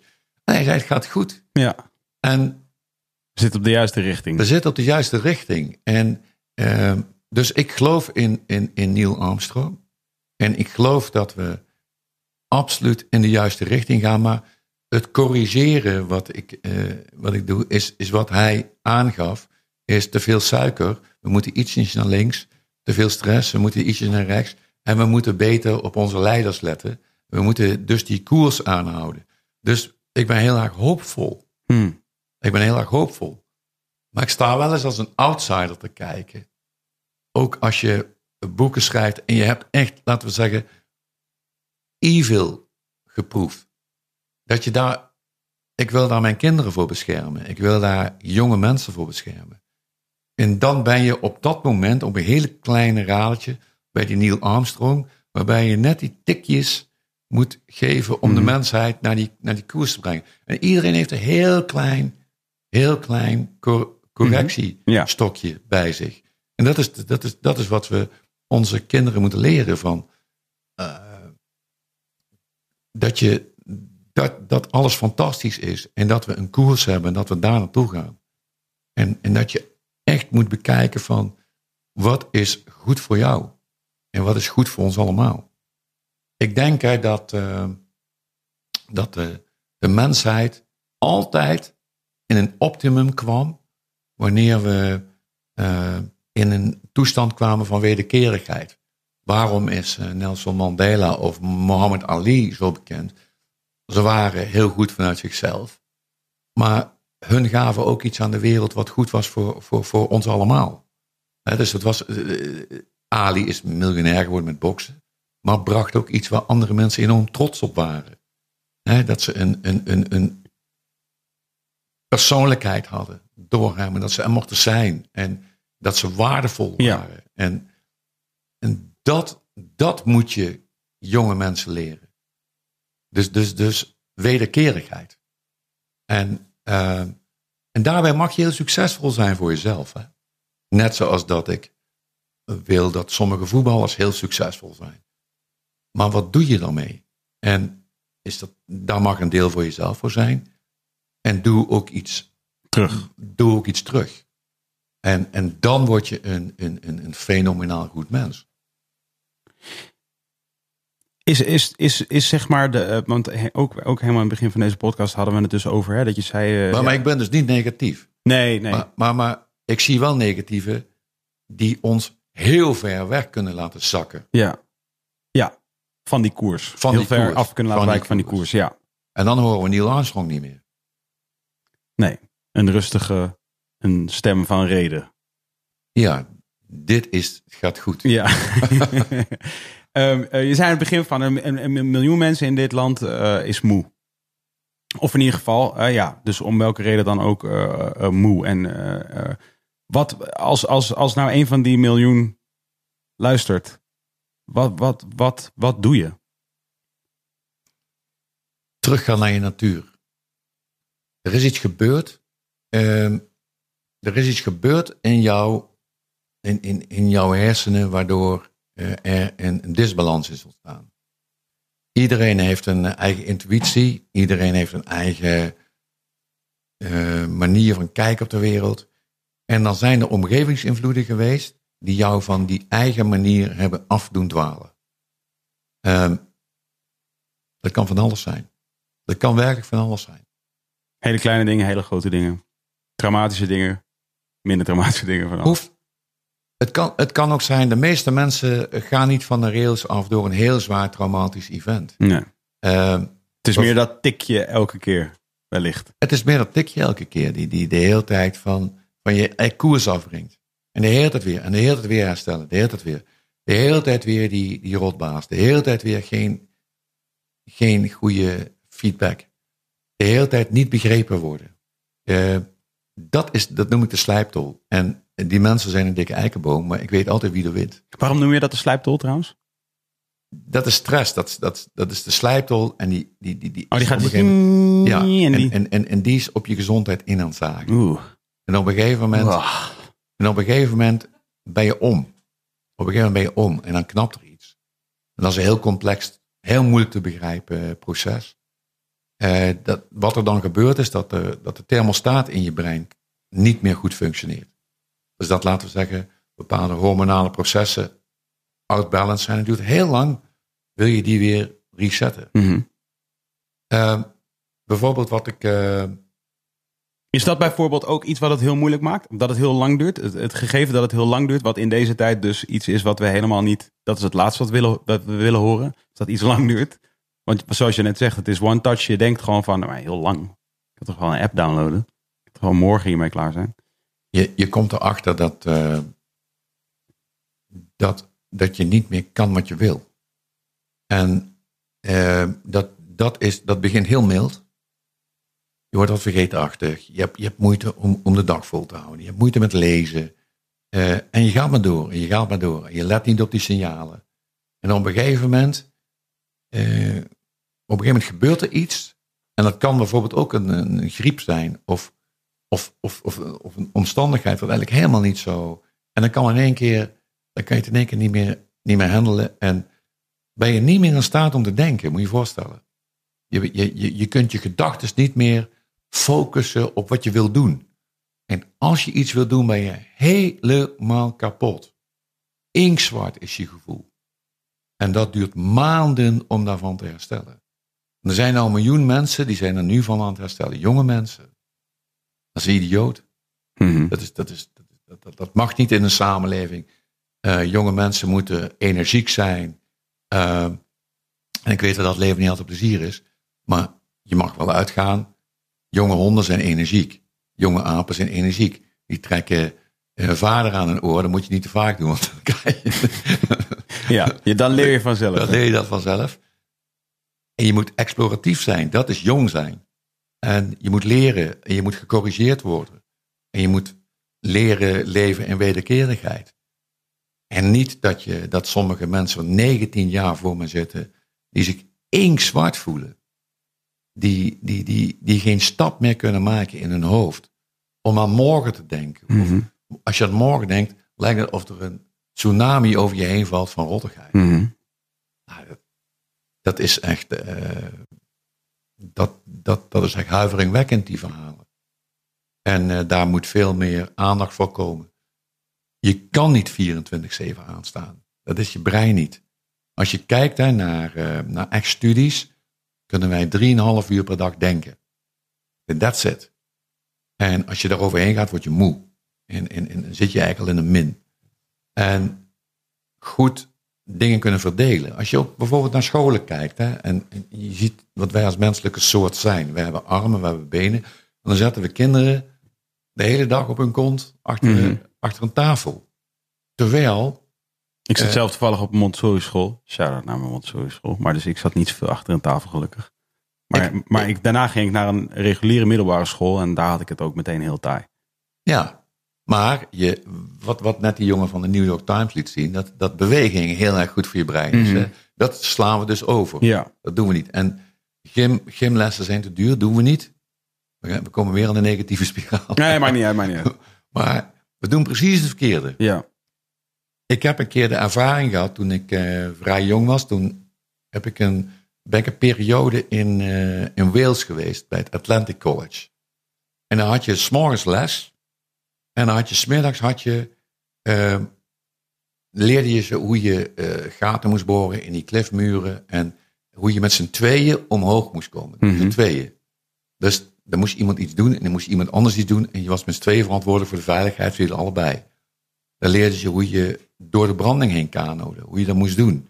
Je speelde seven, eh seven-mans rugby, waarbij je heel veel samen moet. En, en dan heb je het helemaal niet in de gaten, maar dat was eigenlijk een. Waarbij de, de, de, de, de, de fysieke component enorm werd gemixt met de sociale component. En s'morgens had je toch wel je wiskunde en, eh, en, en je, en je grammatica, noem maar op. hoe fijn dat was om op zo'n school te zijn.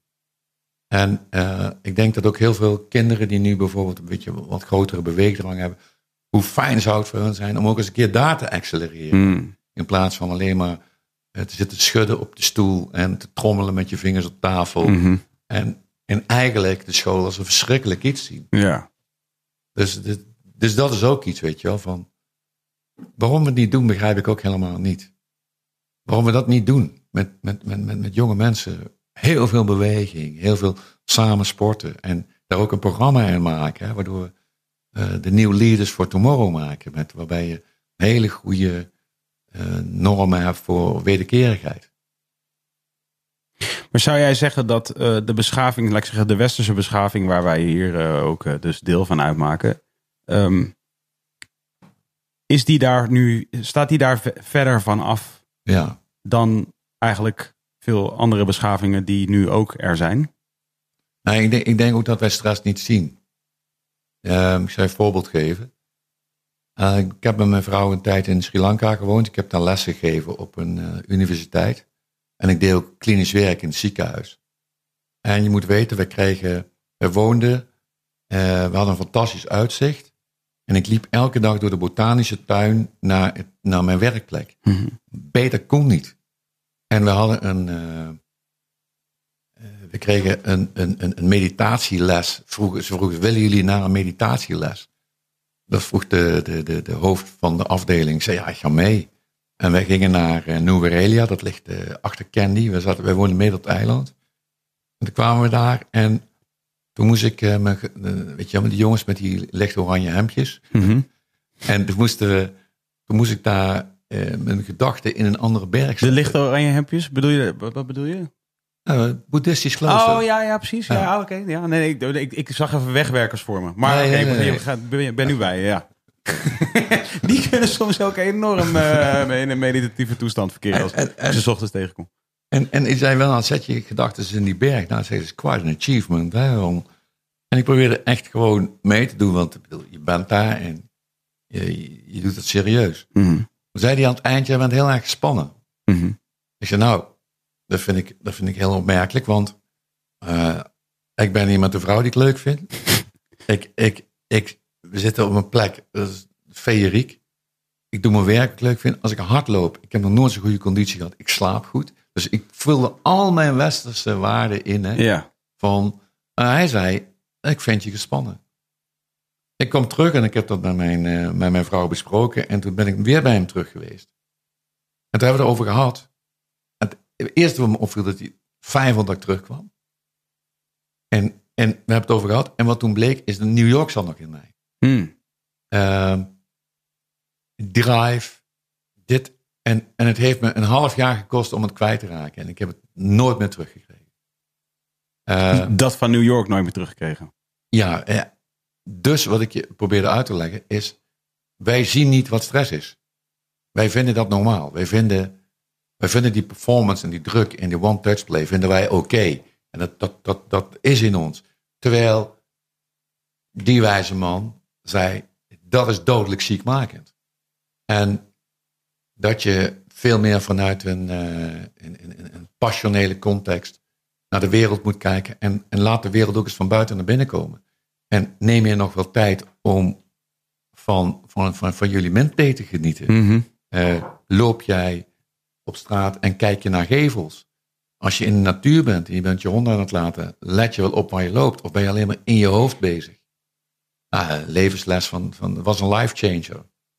Hele, hele wijze les. Is, is dat ook het brein? Want wat je nu hier omschrijft eh, is wat we denk ik vandaag de dag eh, eh, mindfulness noemen. In ieder geval Ja, maar- dat veel mensen het op die manier herkennen. Mindfulness komt uit het boeddhisme. En, en is gewoon een hele gezonde manier om, om laten we zeggen, periodiek toe te passen gedurende de dag. Dat als je bijvoorbeeld eens een keer wat eet, concentreer je op het eten. En concentreer je op een gesprek. Eh, laat je gevoelens eens binnenkomen. Observeer je wereld eens. Laat de informatie van buiten naar binnen komen. Vinden je hersenen fijn? Daar ontspan je van. Maar hoe bedoel je dat? Hoe, hoe, doe- hoe doe je dit? Want ik denk dat iedereen die dit nu luistert morgen gaat oefenen. Hoe, hoe laat je informatie van buiten naar binnen komen en, en Jij niet terug? jij denkt de hele tijd. Mhm. Jij denkt, je zit van binnen en je gaat van binnen naar buiten.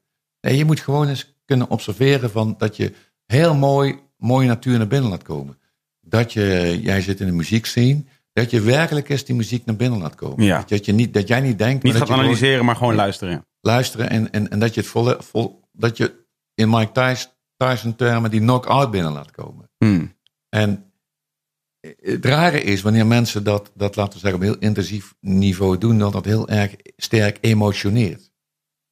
Eh, ik, ik, ik neem mensen mee, hè, die, die bijvoorbeeld in het inktzwarte gat zitten. Die neem ik een week mee naar Rosas. In Noord-Spanje, op de Kaap de Creus. Dat is een heel apart mooi natuurgebied, zuidkant van de Pyreneeën.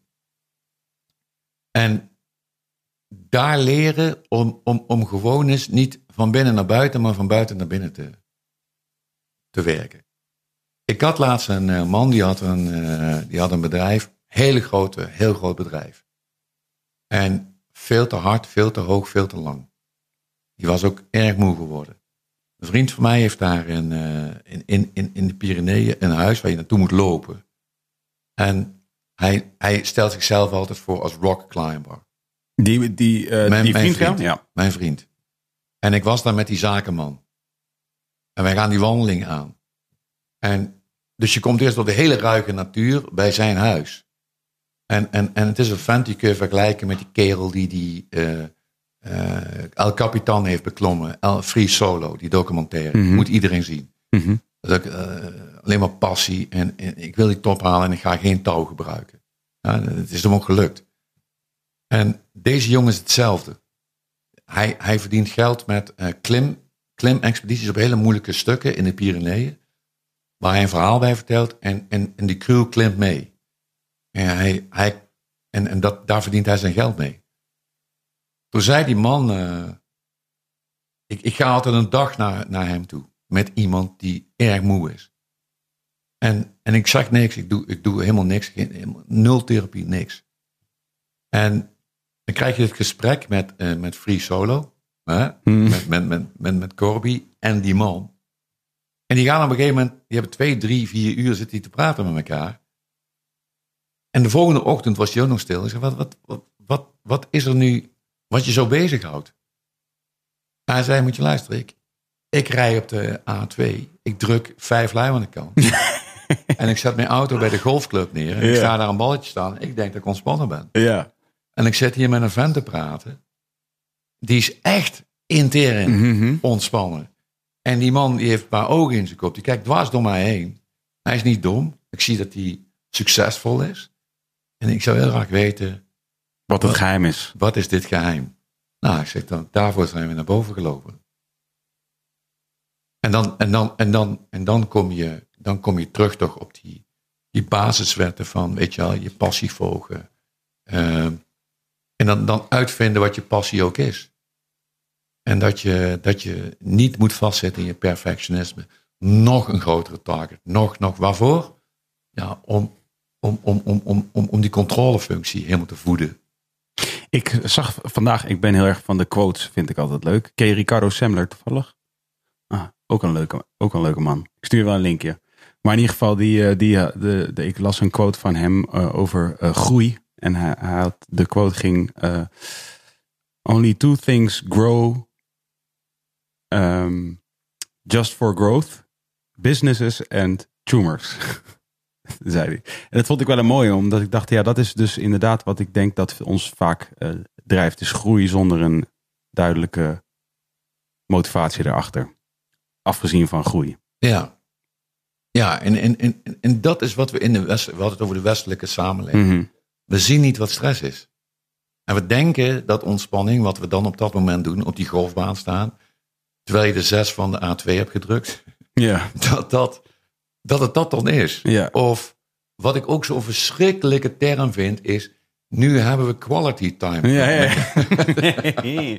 Die heb ik al vroeg geleerd. Mag ik even een shout-out geven aan mijn vader? Want die heb ik vroeg geleerd van mijn vader. Ik weet nog dat toen ik op... Dat was, zat ik al op de Montessori school. Dus dat was hardly ah, moeilijk onderwijs. Het was heel prettig onderwijs voor mij. Vooral voor mij. Ik was een heel bewegelijk kind. En ik vond het heel leuk om te kletsen. Ik was eigenlijk de hele, dag alleen maar spreekbeurten aan het voorbereiden. Zonder dat ik uiteindelijk een spreekbeurt deed. Maar ik was wel heel veel boeken aan het verzamelen. En... ehm, vroeger werd er dan altijd door, door, door de meester of de juffrouw werd gezegd... eh, ehm, nu heb je wel tijd voor jezelf. En ik weet nog dat ik dat ooit een keer thuis aan mijn vader vertelde. Van nee, ik had eh, vanaf zo had ik tijd voor mezelf. En toen zei mijn vader, maar alle tijd daar is voor jezelf. En Ja. zei de volgende keer als je meester tegen jou zegt... Alle nu heb je tijd voor voor jezelf. jezelf. Dus al je tijd is voor jezelf. Al je tijd is voor jezelf. Ja. Dat, dat is. eh, eh, eh, ehm, ja, dat is, dat is dat een beetje. Maar wat ik, me, wat ik denk is van. Wat ik, Maar- ja.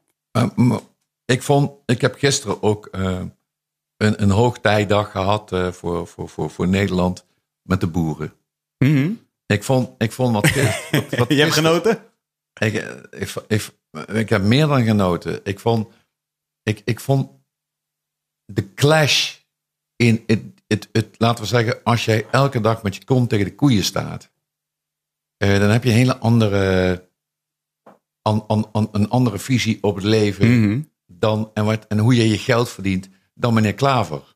Ja. Die, die, die niet met zijn kont tegen de koeien slaat. En Nee. die, die, eh, ik denk dat hij in Amsterdam woont, ik ken die man niet. ja. Maar waar het mij over gaat, het gaat niet over meneer Klaver of die boeren.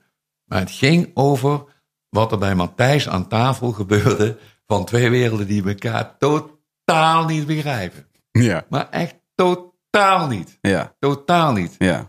En dat is, laten we zeggen, heel dicht bij de natuur staan. Of helemaal in je ivoren toren vastzitten. Mhm. En, en, en ik heb het niet over die man hoor, in, in de politiek. Want dat zijn er meer in Den Haag. Mhm. Maar, maar daarin, daarin zie je, die kan ook een idee hebben van hoe ontspan ik mezelf. Ja. Terwijl die man die eh, lekker fluitend op de tractor zit, een, een ontspanning heeft tijdens zijn werk, wat die politicus nooit kan halen. Mhm. Terwijl deze man aan het werken zijn geld verdient, snap je? Mhm. Dus natuur, de contact met de natuur, ge- ge- geef je wel. Ik, ik, ik woon dus in een, ik werk, ik woon en werk in een, laten we zeggen, een heel raar gebied. We hebben aan de ene kant hebben we Brainport, het, het, het, het hoogste, laten we zeggen, intellectuele kader eh, van, van, van Nederland. Zelfs wereldwijd wordt het gezien als heel erg. En daarnaast de boeren. En alles komt bij mij Bij met, ziek- met ziekte aan mijn tafel. Mhm. En dan, dan, zie je, dan zie je eigenlijk dat die twee, iedereen heeft gelijke symptomen van ziek zijn. Als je een infectieziekte doormaakt, salmonella vindt niemand leuk in, in, in zijn maag en in zijn darmen. En, en, en griep vind je niet leuk in je longen en in je, in je keel. Maar andere vormen van ziek zijn, die komen eigenlijk bij de ene groep heel weinig voor. Die, die, die, die één en één kapotte mensen, die zitten heel erg in hun hoofd. En wat als heel goed wordt gezien in de samenleving. En in die andere groep hoor je hetzelfde. Ja. Wordt zelden. Weinig, veel minder. Ja. Nu- Heel interessant. Ja, want nu vraag, ik me, nu vraag ik me wel af, want volgens mij is dat eh, de grote spagaat waar veel jonge mensen zich nu in bevinden, is oké, dat snap ik, want waarschijnlijk als zij op het strand zijn of wandelen door een bos of, eh, of inderdaad hè, een, een sport beoefenen of zo, voelen ze dat ook wel. Eh, maar anderzijds voelen ze ook, denk ik, die, die drang van de grote stad en, en, en, en industrieën, of het nou een meer creatieve industrie is of, of, of, eh, of een andere commerciële industrie, dat maakt niet uit. Maar in ieder geval eh, dat, die spagaat. En, en dus enerzijds wel, je wil wel die topprestaties leveren voor je gevoel. Je wil mee in dat wat dat is. En, eh, maar aan de Ja. andere kant weet je ook heel goed van, ja, maar ik hou ook echt van het bos, zeg maar. Steve, Steve Jobs heeft het antwoord gegeven. Hmm. Eh, Steve Jobs legde, legde, legde uit, en ik denk dat het gekomen is nadat hij eh, herstelde van zijn alvleesklierproblematiek, wat, wat le- levensbedreigend leek, waardoor hij ook, laten we zeggen, ook een keer heel hard tegen de muur is gebotst. En over dingen is nagedenken in een hoogbegaafd brein. En, en hij vertelde dat je, wanneer je, ik geef een heel simpel voorbeeld, wanneer je heel erg van paarden houdt, moet je iets met paarden gaan doen. Mhm. en, en waarom? Waarom? En dat, dat is het allerbelangrijkste. Omdat jij dan een expert wordt met paarden waar andere mensen geld voor willen betalen. Ja. Ik, ik, ik heb ook een heel interessant gesprek gehad met iemand die zei van, als ik aan het duiken ben, is alles van me af, voel ik me helemaal één met de natuur. En dan ben ik zo ontzettend gezond.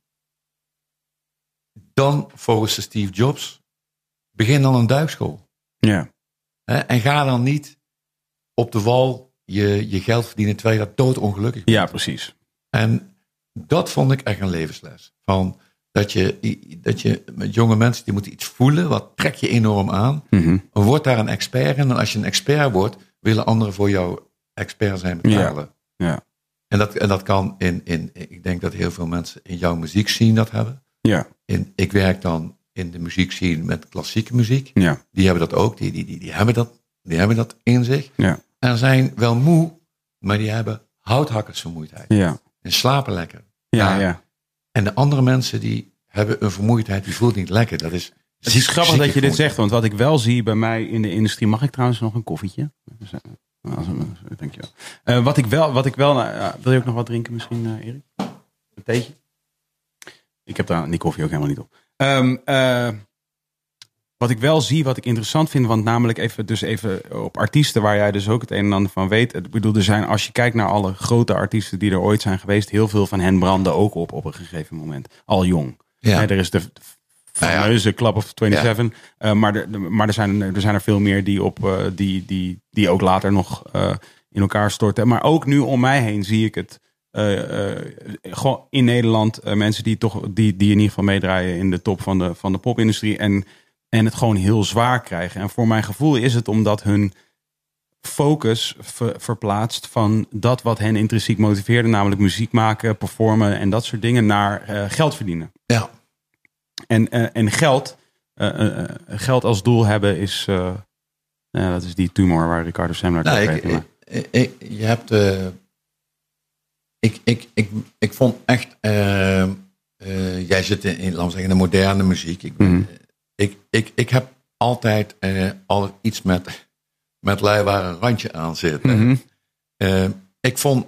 Ik heb bij eh, Matthijs van Nieuwkerk gezegd dat André, André Hazes hoogbegaafd was. Mhm. Senior. Mhm. En dat is, dat is me, dat, daar hebben toch wel mensen op gereageerd.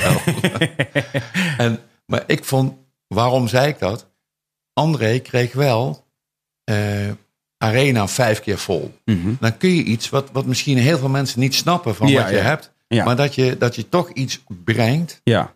wat, wat, wat een succesfactor Ja. is. En je hebt waarschijnlijk een hoger begrip van je eigen zijn. Of zoiets dergelijks. Ja. Want, want om, om, te kunnen, om te kunnen vertalen naar mensen wat, wat, jij, wat jij denkt en bent, dat, dan, dan moet je heel goed begrijpen wie je, Ja. je zelf bent. Wat, dat, wat hij had. Alleen André had een, eh, laten we zeggen, wat we dan in de wetenschap noemen een sociaal-fobische klacht. Hij Mhm. had heel veel spanning, eh, laten we zeggen, hoge plankenkoorts. Nou, wat helpt daar goed tegen? Eh, alcohol. Ja. Dus, dus dat, daar zie je dat, laten we zeggen, een, een talent en iets kunnen, eh, krijg je dan in je greep en je gaat iets doen wat enorm veel stress veroorzaakt. Ik, ik, ik heb ook, eh, als je nou kijkt naar me in het, in het, laten we zeggen, in, het, in dit genre eh, is nu bijvoorbeeld Tino Martin aan het doorbreken. Mhm. En Tino die vertelde in een interview heel recent dat hij tien minuten voor tijd, voordat het podium op kapot gaat van de zenuwen. Mhm. Daar moet je in geholpen worden. Eh, dat is bijvoorbeeld een slijptol, waardoor je afvikt. Eh, je, moet, je moet, laten we zeggen, als een eh, kunstschilder dat beroep doen. Ja. En gewoon je schilderij maken op het podium. En ook zin hebben in dat schilderij als je bij die doeken staat. En niet een plan B in je kop waar je zo gespannen van wordt. En daar, daar hebben ze geen hulp in. Daar heeft André senior geen hulp in. Daar heeft Tino geen hulp in. En we zien dat niet. Wij vinden dat normaal om, om die performance te doen. Maar als jij bijvoorbeeld kijkt naar eh, de Stones. Als, voordat die een podium opgaan, lijkt wel een voetbalclub Mhm. die, die, die, die, die staan eerst in een soort beerhuk met z'n allen. Eh, in een hele andere setting wat je helemaal niet zou verwachten van Mick Jagger of Keith Richards. Voordat ze een podium opgaan. Mhm. Snap je? En eh, daar, daar, daar, is een, een, een- daar moet je iemand in helpen. Ja. Daar moet je iemand in helpen. Dus het, het, wat jij zegt hè, is dat je moet, laten we zeggen, als er een verandering is, een succes komt en je krijgt die grote zalen en je hebt daar plankenkoorts voor, moet je eigenlijk iemand helpen om ook daar kunstenaar te kunnen zijn. om, om, om, daar geen, om daar ook enorm plezier van te hebben, ook naar de, naar de, naar de stappen naartoe. En niet zo kapot te gaan van de stress. Ja, wat ik nog meer zie is dat zij eh, dus plotseling eh, ondernemers zijn met zichzelf als eh, het product wat ze verkopen. En da- da- dat, dat, En ze zijn niet meer degene die van paarden hield. ja, precies. En je moet Want ze de- houden vaak helemaal niet per se daarvan. Van het verkopen van zichzelf. Dat was Ja. helemaal nooit de. Dat was nooit wat ze deden. Tot die tijd waren ze gewoon aan het maken. Ik moet altijd denken aan die monniken die dat met zand van die kunstwerken maken. Hoe, hoe heet dat nou ook weer? Dat is echt super. super. Dat heet ook een. En die een- mozaïeken. Maar... ja, maar dat heet, een, heet dat een mandala? ja, mandala, sorry. Dat was Ja, daar moet ik altijd aan denken. Zandmandala. Ja, weet je wat dat is? Dus, dus die, die maken zeg maar van zand maken ze dan enorme kunstwerken. En daar zijn ze dus ook echt eh, maanden mee bezig. Om het aan het eind eigenlijk gewoon Ja, eh, weg, te, Ja. weg te vegen. Laat zien dan. Nu deze, deze kunstwerken. Nou, daar heb je ze weer. De wegwerkers. die, die begrijpen wel iets. Die begrijpen iets. eh, die begrijpen iets wat wij, wat wij niet altijd lijken te begrijpen. Ik was, het, het, het- nee, dit is, dit is eh, puur genieten van het zijn. ja, in het moment zijn. Dat, Ja. kent, snappen we niet. ja, Dat dat is wat, wij, wat ik probeerde uit te leggen van... eh, dat, we dat, dat we dat niet begrijpen. ja, En dat, daar gaat het om dat je dat ook in je leven incorporeert in, in je dagelijkse doen en laten. ja. Maar als jij nu, dus jij werkt voor een werkgever, je hebt je ambities en je, en, en je hebt ook het gevoel dat je intrinsiek gemotiveerd bent, maar je omgeving, of je, misschien je, je, dus je werkomgeving of je baas of de omstandigheden waarin je werkt, die sluiten niet helemaal aan. Wat, en, maar, maar het lijkt er wel op, zeg maar. Wa- Nou, j- jij, het is heel simpel wat je nu zegt, is eh, wij moeten eigenlijk als eh, stelregel nemen dat wij nergens middenmanagement willen hebben. Dat is, eh, laten we zeggen, we moeten heel, heel sterk, als je een, een, een, een, als je een kantoor binnenkomt, moet je eigenlijk een hele grote poster ophangen, mind the gap. Het is, als, je, als jij iets goed kan, mag er nooit een middenmanager boven je staan. Mhm. Nou, als ik kijk naar bijvoorbeeld eh, de burn-outs in de ziekenhuizen, Mhm. eh, is gewoon omdat heel veel mensen hun, hun, hun, hun, hun echte passie niet kunnen uitvoeren, omdat Hmm. ze alleen maar kapot worden gegooid door regeltjes. Mhm. En, Ja. en door managers die, die, die met een hele andere optie eh, een taak uitvoeren, met een hele andere passie dan degene die zorg wilde. Ja. Er is een eh, vrouw die, die, die vertelde mij dat ze, wat zij heel goed kan, is eh, hele kleine kinderen een, een infuus aanleggen. Dat is heel moeilijk werk. Mhm. Om het in die, in die kleine aaltjes heel goed te kunnen doen. ja. En eh, die vrouw heeft zorg, want die, die, die, die ziet het probleem met al die kinderen die ze moet doen. Maar er zijn er eigenlijk drie te weinig op de afdeling wat zij alleen moet doen. En dan komt eigenlijk een beetje het gemene in de hele situatie. Dat zij zich verantwoordelijk gaat voelen voor die drie kinderen eh, die ze eigenlijk niet kan doen, Ja. maar wel moet doen. En het management misbruikt die situatie van haar zorggevoel. En zij draait een burn-out in. Mhm. En, en als die mensen dat, dat, dat draait mijn maag eigenlijk van om. Als ik dat hoor, dat is gewoon, laten we zeggen, heel slecht management. In een, in heel goed uitgelegd van, ja, maar dan bezuinigen we. Mhm. En snap je? Dus, Mhm. dus je wordt, laten we zeggen, heel veel mensen die graag les willen geven. Die, die, die staan voor taken die ze eigenlijk niet aankunnen, omdat eh, er een, een soort logistieke fout is. ja, ja. En, en, en ze Het gaan, controle ding waar je het toen straks over had een beetje. Van, je bent eigenlijk allerlei bezig met allerlei zaken waar je niet mee bezig zou moeten zijn. Nee, die, kijk, die, die ene mevrouw is al die infuus aan het leggen. Alleen eh, die anderen zijn wegbezuinigd, wa- waardoor zij. Ja, ja. haar werk minder goed kan doen, want ze moeten te veel doen. Ja, en, en, Ja. Zij, en zij komt s'avonds thuis met las over. Ja, precies. en, ja. heeft niet, en heeft niet kunnen genieten van een kind wat ze heel goed heeft kunnen helpen. Ja, Wat levensreddend is geweest. Wat zij, waarbij ze contact heeft gehad met de moeder en de vader. En die haar een eh, zoen hebben gegeven. Mhm. Waardoor je denkt van yes, Hier sta ik voor. Ja, ja. Nee, ik bedoel het voorbeeld van de leraar die, die wellicht uh, les wil geven. Misschien uh, geschiedenis of biologie, maar eigenlijk een, misschien te grote klas voor zich heeft. Of de groot, de te, te, lange tijden. Te, de grote klas. Ja. En geen leuke feedback krijgt van ja. meester of juffrouw. We hebben hartstikke leuk les gehad. Ja. Of, of een keer. Weet je, dat, dat, dat is het allerbelangrijkste. Geld is niet het belangrijkste. Dit is het belangrijkste. Uh, waardevol voelen.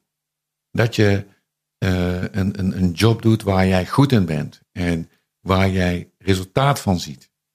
Ik heb die, die, die, die de mevrouw gebruik altijd als voorbeeld van. Die kan niet zo goed, maar die had eigenlijk. Die moet die knuffels van die moeders krijgen. Want goh, waar heb jij. Wat heb je fantastisch werk gedaan voor mijn kind. Hoe denk je dat ze dan naar huis gaat? Als ze burn-out raakt? Ja, ja. Nooit. Nee. Maar dit, dit zeg jij, en nu klink jij als, uh, laat ik zeggen, uh, volgens mij als de middelbare schoolleraar die iedereen zou willen hebben gehad. Uh, zo, zo, klink je in mijn oren in ieder geval. Maar, de, de, wat ik, maar jij zegt dit ook omdat je, dat vraag ik je eigenlijk nu, omdat je, stel jij hiermee dat dat ook is wat het brein wil om optimaal te kunnen functioneren? Absoluut. Wij, mensen groeien in sociale interactie is, eh, laten we zeggen, keihard op het gaspedaal staan, dan trap je als het ware eh, cortisol en adrenaline mhm. eh, aan. Ja. En cortisol is gewoon slecht voor je lichaam. Ja, dat is een stresshormoon. Dat is een stresshormoon.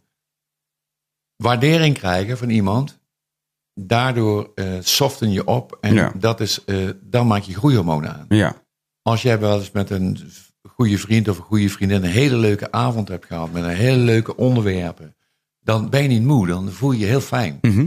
Of je trapt terwijl je er wellicht moe heen ging.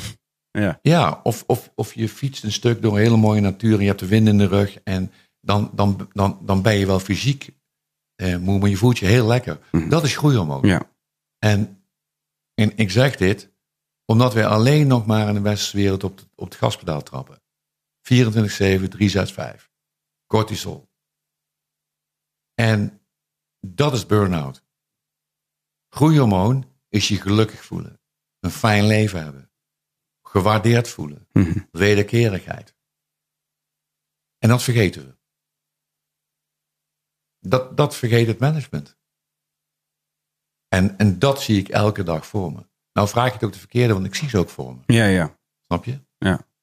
Nee, en, en, snap en, ik. va- en, vaak, en vaak is het een logistiek eh, probleem gewoon. eh, dat, dat, dat, dat, dat een, een beleid wordt eh, uitgevoerd waarbij mensen niet meer tot wederkerigheid in staat zijn. Dat, dat is volgens mij het manco. Volgens mij ook iets wat heel vaak een systeem dat overgedragen wordt, door, overgedragen wordt van een generatie daarvoor, en een generatie daarvoor en een generatie daarvoor. En, en dan wellicht iemand met goede bedoelingen die dat systeem vervolgens weer eigenlijk in stand houdt. Waar diegene wellicht zelf weet dat dat ook niet is wat het zou moeten zijn. Ah, ik, ik, ik, ik denk dat, eh, dat, dat nou die, die generatie Z wel een hele aparte vorm eh, heeft. Ja? Eh, ik heb daar wel. eh, het is toch iets, een, een, een generatie die niet te tracen is, net zoals de generatie in de 60s. Eh, dat ben ik niet zo met je eens. Ik denk dat, dat dit iets aan het maken is wat ik niet zo nog kan plaatsen. Wat heel gaaf is. Het is diffuser bedoel je? Van, het is nog niet helemaal helder waar, die, eh, waar, dit, waar dit op uit gaat pennen. Nee, het Ja. is niet helder waar het op uit gaat pennen van hoe, hoe het menselijk bewustzijn in combinatie met de cloud Mhm. en hoe deze jonge mensen hun eigen wereld aan het Ja, maken ja, ja. zijn. Ik, ik, ik, ik, ik, ik zie bepaalde contouren, maar niet. eh, bij de 60s was het gewoon freedom. Ja, Hè? En eh, weg met macht. eh. En waar, dit, waar dit naartoe gaat, is ook een bepaalde mate van vrijheid. En omdat je op een gegeven moment helemaal geen boundaries meer hebt van landen of, of, of, of, of, groepen, of je hoort, bij, je hoort bij die of je hoort bij die. Want de cloud is everything. Mhm. Weet je, dit, is- dit is een nieuwe werkelijkheid gekomen. Waar je alles, alles kan zien, alles kan oplossen, alles kan. eh, en hoe, hoe, hoe zich dat gaat verhouden, vind ik een heel interessant. Maakt het niet dat wel des te moeilijker voor, voor één individu om te bepalen wat haar of zijn, zeg maar, eh, waar Absoluut. passie is? Omdat je Absoluut. zoveel. Absoluut. Maar aan de andere kant zie je ook eh, jonge mensen hun passie in de cloud gooien. waar andere mensen weer van genieten. Ja. Bijvoorbeeld die hele leuke muziek maken. Mhm. Of die hele mooie kunst maken. En die dus of gewoon heel- creatief zijn op nieuwe internet ways. Ja. ja. Ja, en, en, en, en waar je ook naar kan kijken, denk je, wow. Dat is dus een heel uniek individueel proces, wat ook gewoon in de cloud wordt gegooid. ja. En waar je, waar je, waar je ook naar kan, kan kijken. En Ik ben het hier helemaal mee eens. Voor wat ik toen straks bedoelde als voorbeeld. En wa- waarschijnlijk ben ik ook gewoon aan het projecteren op dit moment. Omdat ik zelf eh, eh, eh, nu een, een bedrijf aan het besturen ben. Waarin ik, waarin ik eh, ehm, wat, wat, wat draait volgens een, een systeem, laat ik zeggen, de muziekindustrie. En ik zou, wij zijn verre van een traditioneel bedrijf. Maar je merkt toch dat eigenlijk hoe groter het groeit, hoe meer, eh, Ja. hoe meer je grijpt naar dat wat bekend is. Naar dat wat hè, eerder ooit bewezen is als in ieder geval eh, ja, eh, levensvatbaar. stay small, zou ik zeggen. Ja, nou ja, ja dat, is, dat is een goed punt. Ik, Ehm, ik, heb, ik heb dus met, met Scala gewerkt. En met iedereen, bijvoorbeeld ook met Mourinho en Maestro Scala. Eh, gigantische, gigantische persoonlijkheden. Mhm. En Scala zei altijd van, je, ik, ik moet enorm voor uitkijken dat ik niet mijn manier van denken op mijn pupillen projecteer. Ja, Maar dat ik dus iets moet doen, ik moet dus, laten we zeggen, een, een, een, een omgevingsstructuur maken waarbij ik de absolute vrijheid aanbied, Aan- waar- waar- waardoor ik eh, het unieke geluid ja, van hem of haar naar boven krijg. ja. En het grappige was, ik, eh, dus dan heb je bijvoorbeeld Mourinho, de voetbaltrainer, waar iedereen ook verhalen over heeft, wat die totaal niet waar zijn. En eh, die, heb ik, die twee heb ik bij elkaar gebracht. Beste gesprek ooit heb gevoerd. dus er kwamen twee werelden bij elkaar uit het topvoetbal. En binnen twee minuten praten ze exact over hetzelfde. Ook over identiteit, eh, puurheid. Mhm. Hoe, be- hoe bewaar je dat? En hoe, hoe zorg je dat je niet iets gaat toevoegen, een, een, een kleur of, of, of een smaak, waardoor, waardoor je de hele puurheid van die, van die persoon eh, verknalt. En eh, omdat we allemaal die Messi willen zien. ja. Omdat we allemaal die André Gallo willen horen. En dat dat niet een, een, een mainstream event is geworden. Nou, dat, dat is eigenlijk waar de westerse samenleving nu voor staat. Dus dat we die, die intellectuele en laten we zeggen, die technologische ontwikkeling, die gaat door, maar dat de intellectuele, motivationele ontwikkeling en de passie van de mens uniek blijft. Dat is de moeilijke. Ja, En je, Ja. ziet nu, en je ziet nu dat heel veel jonge mensen daar moeite mee hebben. ja. Zeker. Maar net zoals dat jij, wat jij zegt, ik zie, ik zie ook eh, het tegenovergestelde. Dus ik zie ook veel, eh, veel eh, mensen die hun, wel hun passie vinden en hun identiteit, laat ik zeggen, in ieder geval heel openlijk zoeken. En, en daarbij ook talent ontwikkelen. En dus, eh, Maar wellicht het talent dat inderdaad nog niet erkend is. Het is eigenlijk een reden waarom deze podcast ooit, eh, waarom ik ooit met deze podcast ben begonnen. Omdat ik aan het praten was met een jongen die dus mij vertelde dat hij ehm, in de uren, eh, hij werkte in een garage en in de uren buiten zijn gebruikelijke werktijden om was hij aan het werk aan een auto, aan een dragrace auto. Omdat hij het gewoon heel tof vond om heel snel te gaan in een auto. Ja. En, en dus daar, daar besteedde hij het, het grootste deel van zijn tijd aan. Maar er zit geen, daar, daar, daarachter zit geen industrie, zeg maar. Dus, dus, dus, dus het is gewoon iets wat hij heel vet vindt. En er, er zijn, zijn handjevol mensen die dat ook heel vet vinden, die er naar kijken. Maar ik sprak met hem en hij, ik vond hem zo eh, bevlogen in het verhaal wat hij me vertelde over een Opel Corsa waar hij 800 pk in had gehangen en, en al dat soort dingen. Waardoor ik, waardoor ik echt dacht van, dit is eigenlijk een heel vet verhaal, maar omdat het, omdat het geen geld oplevert, wordt dit verhaal niet gehoord. Als je begrijpt wat ik Ja. bedoel. Er is geen publiek voor Ja. en dus wordt het verhaal niet gehoord. En toen dacht ik eigenlijk van, oh, misschien eh, kan ik dus dat kleine tikje, ik kan, ik kan maar misschien Ja. een kleine tikje uitdelen door af en toe wat mensen te gaan spreken die, eh, die een verhaal te vertellen hebben wat ofwel niet, niet gehoord wordt, ofwel, zoals in jouw geval, wel gehoord wordt, maar wellicht niet door de mensen die ik eh, nu, die, die jij nu hebt bereikt vandaag met dit gesprek. Mhm. En, En, en dan als het, als, het, als het helemaal goed gaat, dan kunnen, we, kunnen we in die Trojan Horse dus inderdaad nog een paar mensen plaatsen die helemaal nooit gehoord worden. Ja, dat, dat is eigenlijk mijn grote eh, wens. Hiermee in ieder geval. Afgezien van het feit dat het voor mij ook gewoon lekker twee uurtjes praten is. En dat, dat geeft me, dat stimuleert mijn groeihormoon. Ja.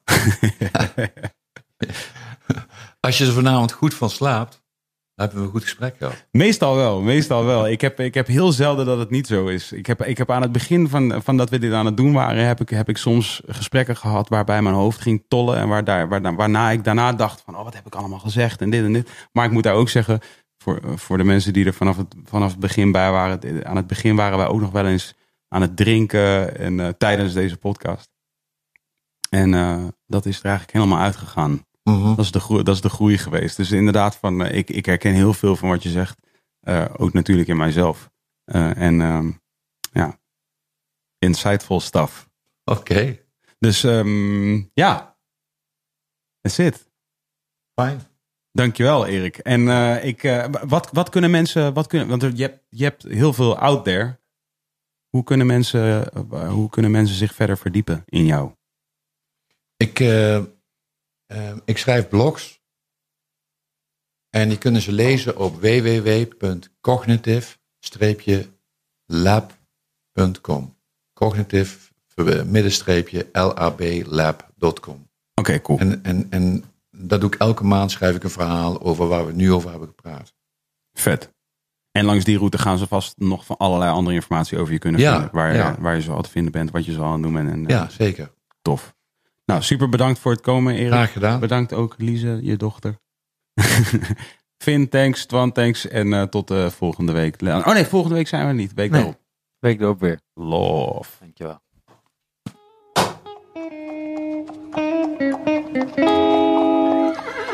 Pauw, pauw, pauw, pauw, pauw. Dank jullie wel voor het luisteren, mensen. Het was weer gezellig. En uh, ja, Wilde Haren podcast is eventjes een weekje eruit.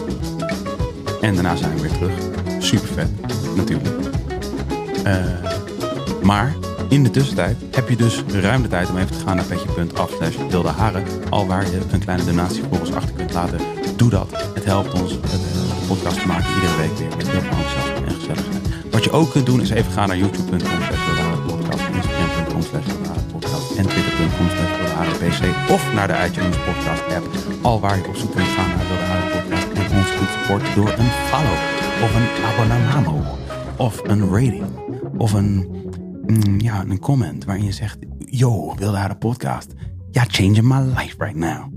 I'm really feeling it. We're feeling you too, bro. Of sis. En dat was het weer. Peace to all the people, animals and plants. Love.